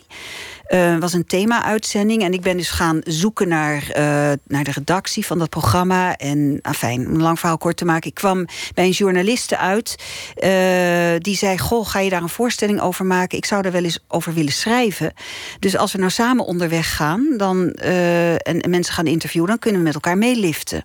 Zaten we op de terugweg in de auto, hadden een interview gedaan. En toen zei ze: Weet je, het is eigenlijk ook wel toch een vorm van journalistiek. Ik bedoel, je kunt een verhaal schrijven, je kunt een film maken, je kunt een, een boek schrijven, je kunt, eh, maar je kunt ook op deze manier ja, voorstelling van maken. Het zijn ook altijd jouw, jouw twee parallele carrières geweest. Het theater aan de ene kant en, en de journalistiek aan de andere kant. Ja, ja dat, heb, dat is altijd wel een beetje allebei aan de hand geweest. Of, of slingerend tussen twee Ja, disciplines. ja, slingerend. Ja, dat vind ik wel een mooi woord ervoor. ja, het is echt slingerend. Zo voelt het ook. Ja. Maar ik heb wel de laatste jaren heb ik echt, ik ben hier heel gelukkig mee. Ja, dat ik dit zo kan doen. En Met de vorm die je gevonden Met hebt. de vorm die ik gevonden heb. Ja, en dan, eh, ja, ik ben natuurlijk, eh, ik, ik speel in hele kleine theaters. En er is een klein publiek voor deze voorstelling, voor deze vorm. Maar daar hou ik juist heel erg van. Het is ontzettend, eh, ja, het is heel intiem. En na afloop zit je natuurlijk maar al te vaak te praten over wat je net, waar, je het net over gehad hebt. is ook leuk. Zullen we gaan beginnen met eh, de kaarten? Mag ik je vragen om een, eh, een vraag te trekken? Ja. Maar ik weet niet of ik wel lees, hè? Ik heb mijn leesbril niet op. Oh, ik wil ze ook wel voorlezen. Oh nee, dit, dit Nee, is dit groot gaat genoeg. wel, toch? Ja. Wanneer was je het gelukkigst? Oh, Ja, ja dat, dat- daar ga ik een heel saai antwoord op geven. nou. Eh, na de geboortes van mijn kinderen. Drie keer. Nou, dat is misschien een saai antwoord, maar wel een heel begrijpelijk antwoord. Ja, hè? Ja. Kun je dat gevoel omschrijven als er dan, als er dan net zo'n kind is? Nee. Nee? nee, dat kan ik Er niet bestaan geen parallellen nee, voor. Nee, er bestaan geen woorden voor. Nee. Nee, ik weet alleen dat ik... eh, ja, nee, ik, ik, was, ik was sowieso al heel graag zwanger. Met z'n tweeën onder één jas. Was, was me, dus ja, en als er dan een gezond kind uit je komt... dat is gewoon het, het allermooiste wat er is. Laten we er nog geen doen. Ja. Oké. Weer ergens deze. Wat is je grootste succes? Ah, Nou, iets wat ik eigenlijk niet zozeer als, eh, als succes zou willen omschrijven, als wel mijn grootste ehm, geluk op eh, werkgebied, wat, maar wat- wat meteen overgaat in heel persoonlijk. Eh, ik heb een boekje geschreven over het oorlogsverhaal van mijn moeder. Ehm, en ja, dat is, dat, daar ben ik ongelooflijk eh, blij omdat ik dat heb kunnen doen. Want dat, daardoor is mijn moeder, nou ja, die is opnieuw die is opgestaan, zeg maar. Die heeft een zwaar oorlogsverleden. En, ehm, en het was voor haar en voor mijzelf een prachtige manier om te verwerken. En ik heb er nog heel veel andere mensen eh, mee kunnen helpen. Is een veel te zwaar woord, maar ja. Iets Nou, dat- mee kunnen doen. dat, dat oorlogsverleden van je moeder, dat, dat, dat was ook nogal wat. Ja. Ik bedoel, er zijn heel veel nare oorlogsverhalen. En natuurlijk heel veel mensen die heel veel leed hebben gehad. Maar wat, wat jouw moeder als jonge vrouw in die paar jaar mee heeft moeten maken, dat, dat is onvoorstelbaar eigenlijk. Ja. Eerst haar eigen moeder verloren aan een, aan een ziekte. Vervolgens is zo'n beetje de hele familie uitgemoord door, door de nazi's. Ja. En, en toen moest ze ook nog zelf zien te overleven Ja. in, in die oorlog. Ondergedoken geweest. ondergedoken geweest. Wat trouwens prachtig is dat we eh, vorige week hebben we eh, de Yad Vashem uitreiking eh, kunnen doen postuum aan de onderduikfamilie van mijn moeder. Er zijn natuurlijk nog veel kinderen in, in leven van die familie. Het was een grote katholieke familie in, in Vorstenbos in het zuiden. En die kinderen waren die, zijn van de leeftijd van mijn moeder. Daar weer kinderen van, kleinkinderen dus, achterkleinkinderen. En dat was waanzinnig dat dat alsnog kon. Dus dat, het verhaal was rond daardoor. Heb je, heb je dat verhaal echt uit je moeder moeten, mo- moeten trekken? Of, of vertelde ze dat heel makkelijk uit zichzelf? Nee, nee, nee, nee, integendeel. Nee, nee zij is eh, gaan praten eh, vanwege ehm, ja, eh, Steven Spielberg-project. Die Al die interviews in, in Ja. 97. Precies. En toen zij eh, dus dat, dat verhaal... Ze heeft één keer dus een uitzondering gemaakt voor dat project. En dat kwam eigenlijk omdat een vriendin van ons... toevallig eh interviewster voor dat project was. En die vertrouwde ze. En toen zei ze, nou ja, dan doe ik het één keer. En dan eh, kunnen mijn kinderen, mijn kleinkinderen, achterkleinkinderen... het terugzien en horen. En dan hoeft het daarna nooit meer. Maar toen dacht ik, ja, maar nu kan ik er ook nog wat mee.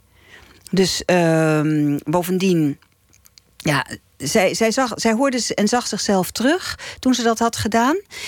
Ehm, en toen pas drong tot haar door, tot haarzelf door, wat ze had meegemaakt. Dus toen ging het helemaal niet goed met haar. Is ze in therapie gegaan. En door die therapie is alles eigenlijk losgekomen. En kon ze gastspreekster worden voor Kamp Westerbork. En toen dacht ik, nou kan ik een boekje maken. Want dan kan ze dan achterlaten op scholen. Daarom heb ik dat boekje kunnen maken. Maar toen heb ik haar alsnog ja, ja, min of meer geïnterviewd natuurlijk. Als een journalist in je eigen leven. Ja, precies. Ja.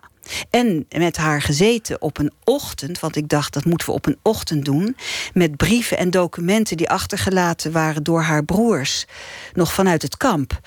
En die had ze nooit meer kunnen zien. Dus eh, ik moest haar daarmee confronteren, want die wilde ik graag in het boekje verwerken. Vond ze ook goed. Maar dat moest ze natuurlijk wel eerst gezien hebben.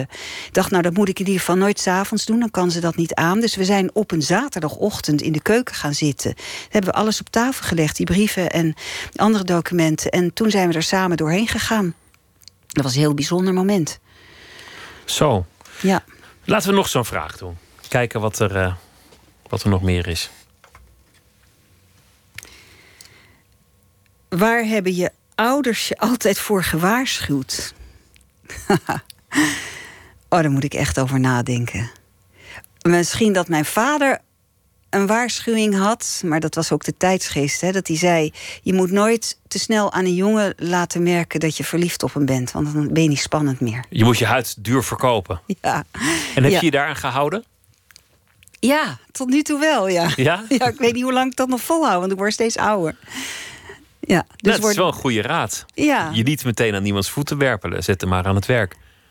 Klopt, ja. Dat was de raad van mijn vader. Dus daar heb ik me tot nu toe aan gehouden. Maar naarmate je ouder wordt, wordt dat moeilijker. Omdat je dan eh, steeds meer denkt... ah, nou ja, wie weet overkomt het me nog een keertje... maar moet ik mezelf een beetje helpen. Ehm, nee hoor, dat geeft alleen maar gedoe. Maar, eh, en mijn moeder, ja... eh, mijn moeder heeft toch wel vaak gezegd... je moet nooit mensen zomaar vertrouwen. Terwijl ze heel erg veel van mensen houdt, ondanks alles. Maar toch altijd, altijd een beetje op je hoede zijn. Ja, ja. En zei ze dan erbij, je moet niet alles zeggen. Ook iets Dus voor deze- jezelf houden. Ja, bij deze denk ik, oeh, ja, ik moet altijd een beetje oppassen. Want ik gooi nog al makkelijk van alles naar buiten. En dan hoor ik altijd de stem van mijn moeder. Niet alles zeggen, zegt ze dan. Wat een mooie raad. De, de voorstelling In Mijn Hoofd is eh, te zien in eh, verschillende theaters eh, op dit moment. Dank je wel dat je langs wilde komen, Debbie Petter. Graag gedaan, vond het leuk. Smokey Smothers speelde met alle grootheden in de bluesmuziek van Howlin' Wolf tot Muddy Waters. En dit nummer heet Come on Rock, Little Girl.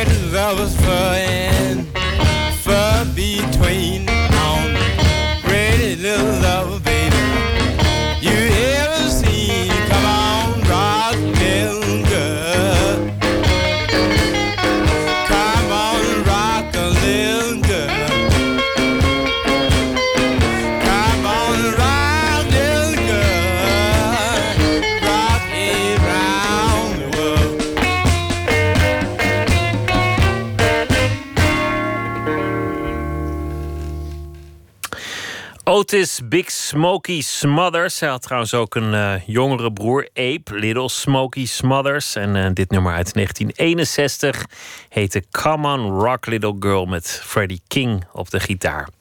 Eén minuut gemaakt door eh, Fatos Vladi en deze heet De Dominee. Eén minuut.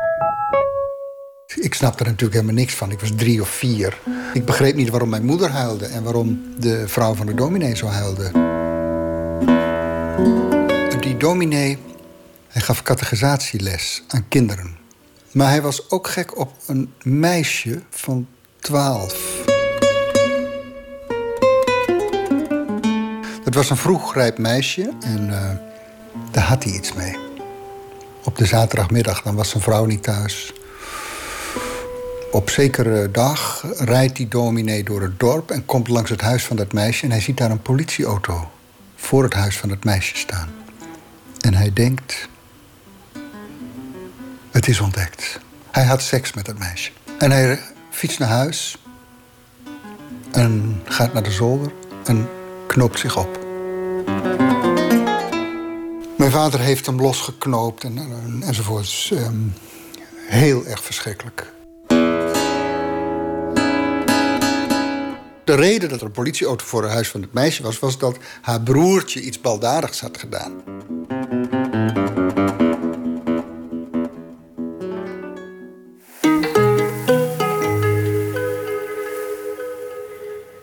Ivo Victoria is deze week onze vaste schrijver. Elke nacht zal hij een verhaal maken bij de dag die achter ons ligt. Zijn uh, laatste roman heet Billy en Sep en verscheen eerder dit jaar. Uh, Ivo, goeienacht. Goeienacht, Pieter. Wat heeft je vandaag geïnspireerd? Wel, uh, ik wilde toch uh, het, het, nog een keer hebben over de hashtag MeToo die momenteel op social media rondgaat. Van alle vrouwen die ook ooit zijn aangerand of seksueel geïntimideerd of op een andere manier seksueel bejegend. Ja, inderdaad. En ja, ik ben toch wel onder de indruk van die actie. vandaag viel me met name weer eens op hoeveel dames op Facebook die ik ken persoonlijk ken, die zich bij die, die hashtag voegden. En ik beschouw mezelf ook niet geheel als onschuldig in deze kwestie. Bovendien ben ik vader van twee dochters, waarvan de oudste tien is. Dus die komt binnen enkele jaren gaat, komt hij de gevarenzone in, moeten we dan eigenlijk zeggen. Uh, en daar, ja, daar, daar, ben ik deze dagen toch mee bezig en over aan nadenken hoe ik dat uh, moet uitleggen eventueel. Maar, maar in welke zin voel je jezelf niet onschuldig? Nou, dat, uh, nou, dat ga ik vertellen in het verhaaltje. Oké, okay, ga je gang. Ik heb, ter toelichting, ik heb gewoon eigenlijk een soort van briefje van gemaakt aan mijn oudste dochter. Soms, wanneer we Just Dance spelen op de Wii of ik zie je vanuit het raam hula hoepen op de stoep, schrik ik van hoe je heupen bewegen. Nog niet zo lang geleden tikte ik je straffeloos op de bibs nadat ik je luier had verschoond. En deze zomer kwam je opeens in bikini met een reusachtige roze opblaasflamingo uit de rivier. Weet je nog? En het zonlicht viel op een bepaalde manier door de bladeren van de bomen en ik vernauwde de ogen en plots was je twintig en bloedmooi. Die foto kreeg heel veel hartjes op Instagram. Ik heb het je laten zien. Maar vandaag heb ik hem weggehaald. Immers, je bent nog steeds een kind van tien. En ik zou willen dat het voor altijd zo kon blijven duren. Want wanneer ik aan jouw toekomst denk, dan denk ik deze dagen ook wel eens aan een nacht lang geleden. In een Russisch hotel. Een meisje met zwarte haren, net als jij, een bril. Een lift, een donkere opslagkamer voor schoonmaakspullen. En dat ik het zo raar vond dat ze haar mond niet opendeed. Hoe moest ik dan met mijn tong naar binnen? En zodra ik haar BH had losgeknoopt, wilde ze weer terug naar haar vriendinnen en de tranen vloeiden. Eerst lachte ze nog om al mijn grappen, ze ging mee naar boven, dus wat ze dan verwachtte, daarbij, ik had te veel gedronken.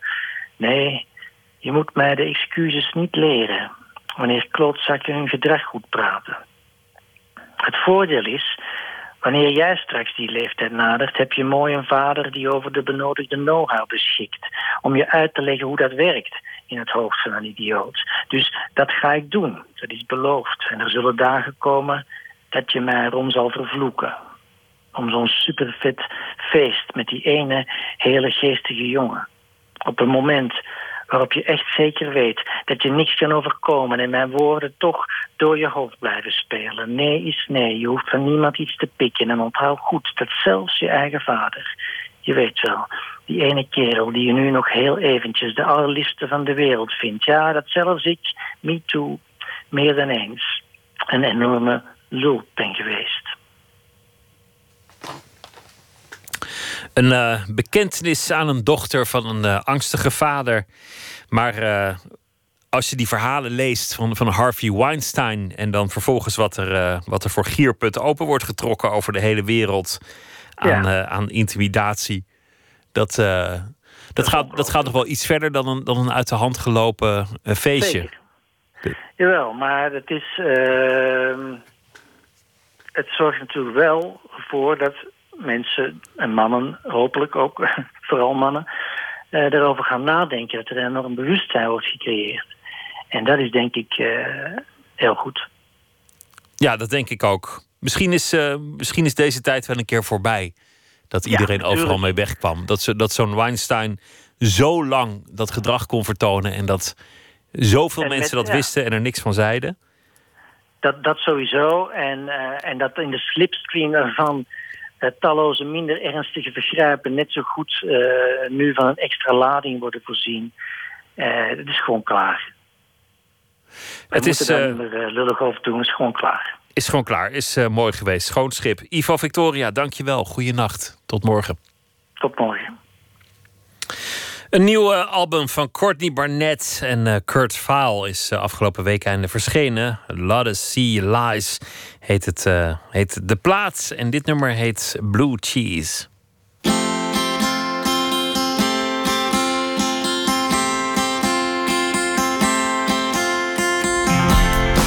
Chinese rock and roll.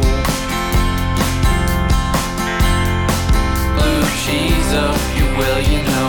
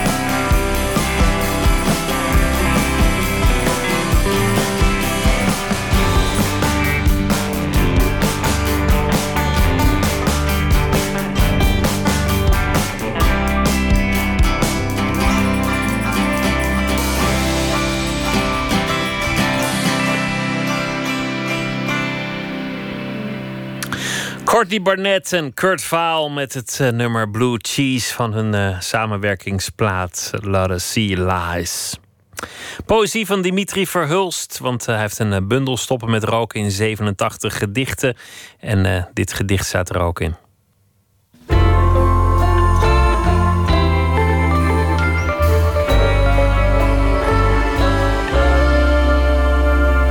Highway 60 niks. De lange streep korzelig asfalt tussen twee evenknieën van een provinciehol. Langs namaak vermettes en uniforme nieuwbouwkots. Het pastorale plaatje. De koe die haar weide met een paar verkiezingsborden van de liberalen delen moest. Tegels van platgereden egels en de linden waartegen fietsers werden gekegeld in aeternum fricassé. De opgespannen banderollen voor de braderij van mei, de aanbidding van de solden, de kapel voor de gipsen god van het patattenvolk. En een jongen op een opgefokte brommer, die doorgetrood, doch zielsgelukkig naar zijn meisje reed. Haastig, voor zij op haar moeder leek. Ik zie een wapenbroeder in eh, de fotograaf Harry Vrijaert. Ik denk dat ik ontzettend goed zijn fotografie kan lezen. En ehm, anderzijds heeft hij ook wel het gevoel dat, ehm, dat ik in mijn schriftuur heel vaak op zoek ben naar hetzelfde waar hij, mee, waar hij naar zoekt met, met zijn cameraman. Het, hetzelfde, hetzelfde coloriet. Het, ehm, ja, het mooie maar moeilijke land dat, dat België is proberen te vatten. Highway 60 niks. De lange streep korzelig asfalt tussen twee evenknieën van een provinciehol. Langs namaak vermettes en uniforme nieuwbouwkots. Het pastorale plaatje. De koe die haar weide met een paar verkiezingsborden van de liberalen delen moest. Tegels van platgereden egels en de linden waartegen fietsers werden gekegeld in aeternum fricassé. De opgespannen banderollen voor de braderij van mei, de aanbidding van de solden, de kapel voor de gipsen god van het patattenvolk en een jongen op een opgefokte brommer die doorgetrood, doch zielsgelukkig naar zijn meisje reed, haastig, voor zij op haar moeder leek.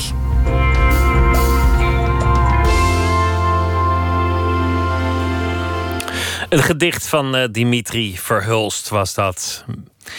Brit, eh, Brit Matthew en The Atlas. En eh, dat zijn elektronische folkliedjes. En dit is de nieuwe single en die heet Palace.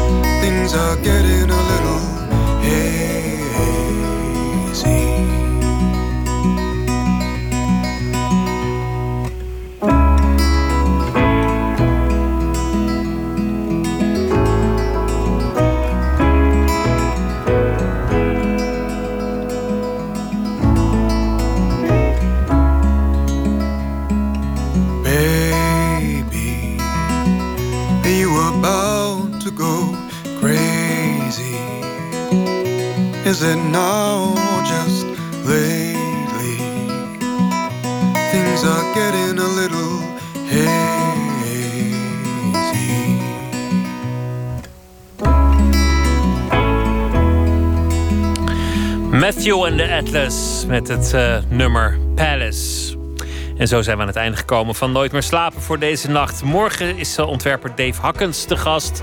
En voor nu wens ik u een hele goede nacht.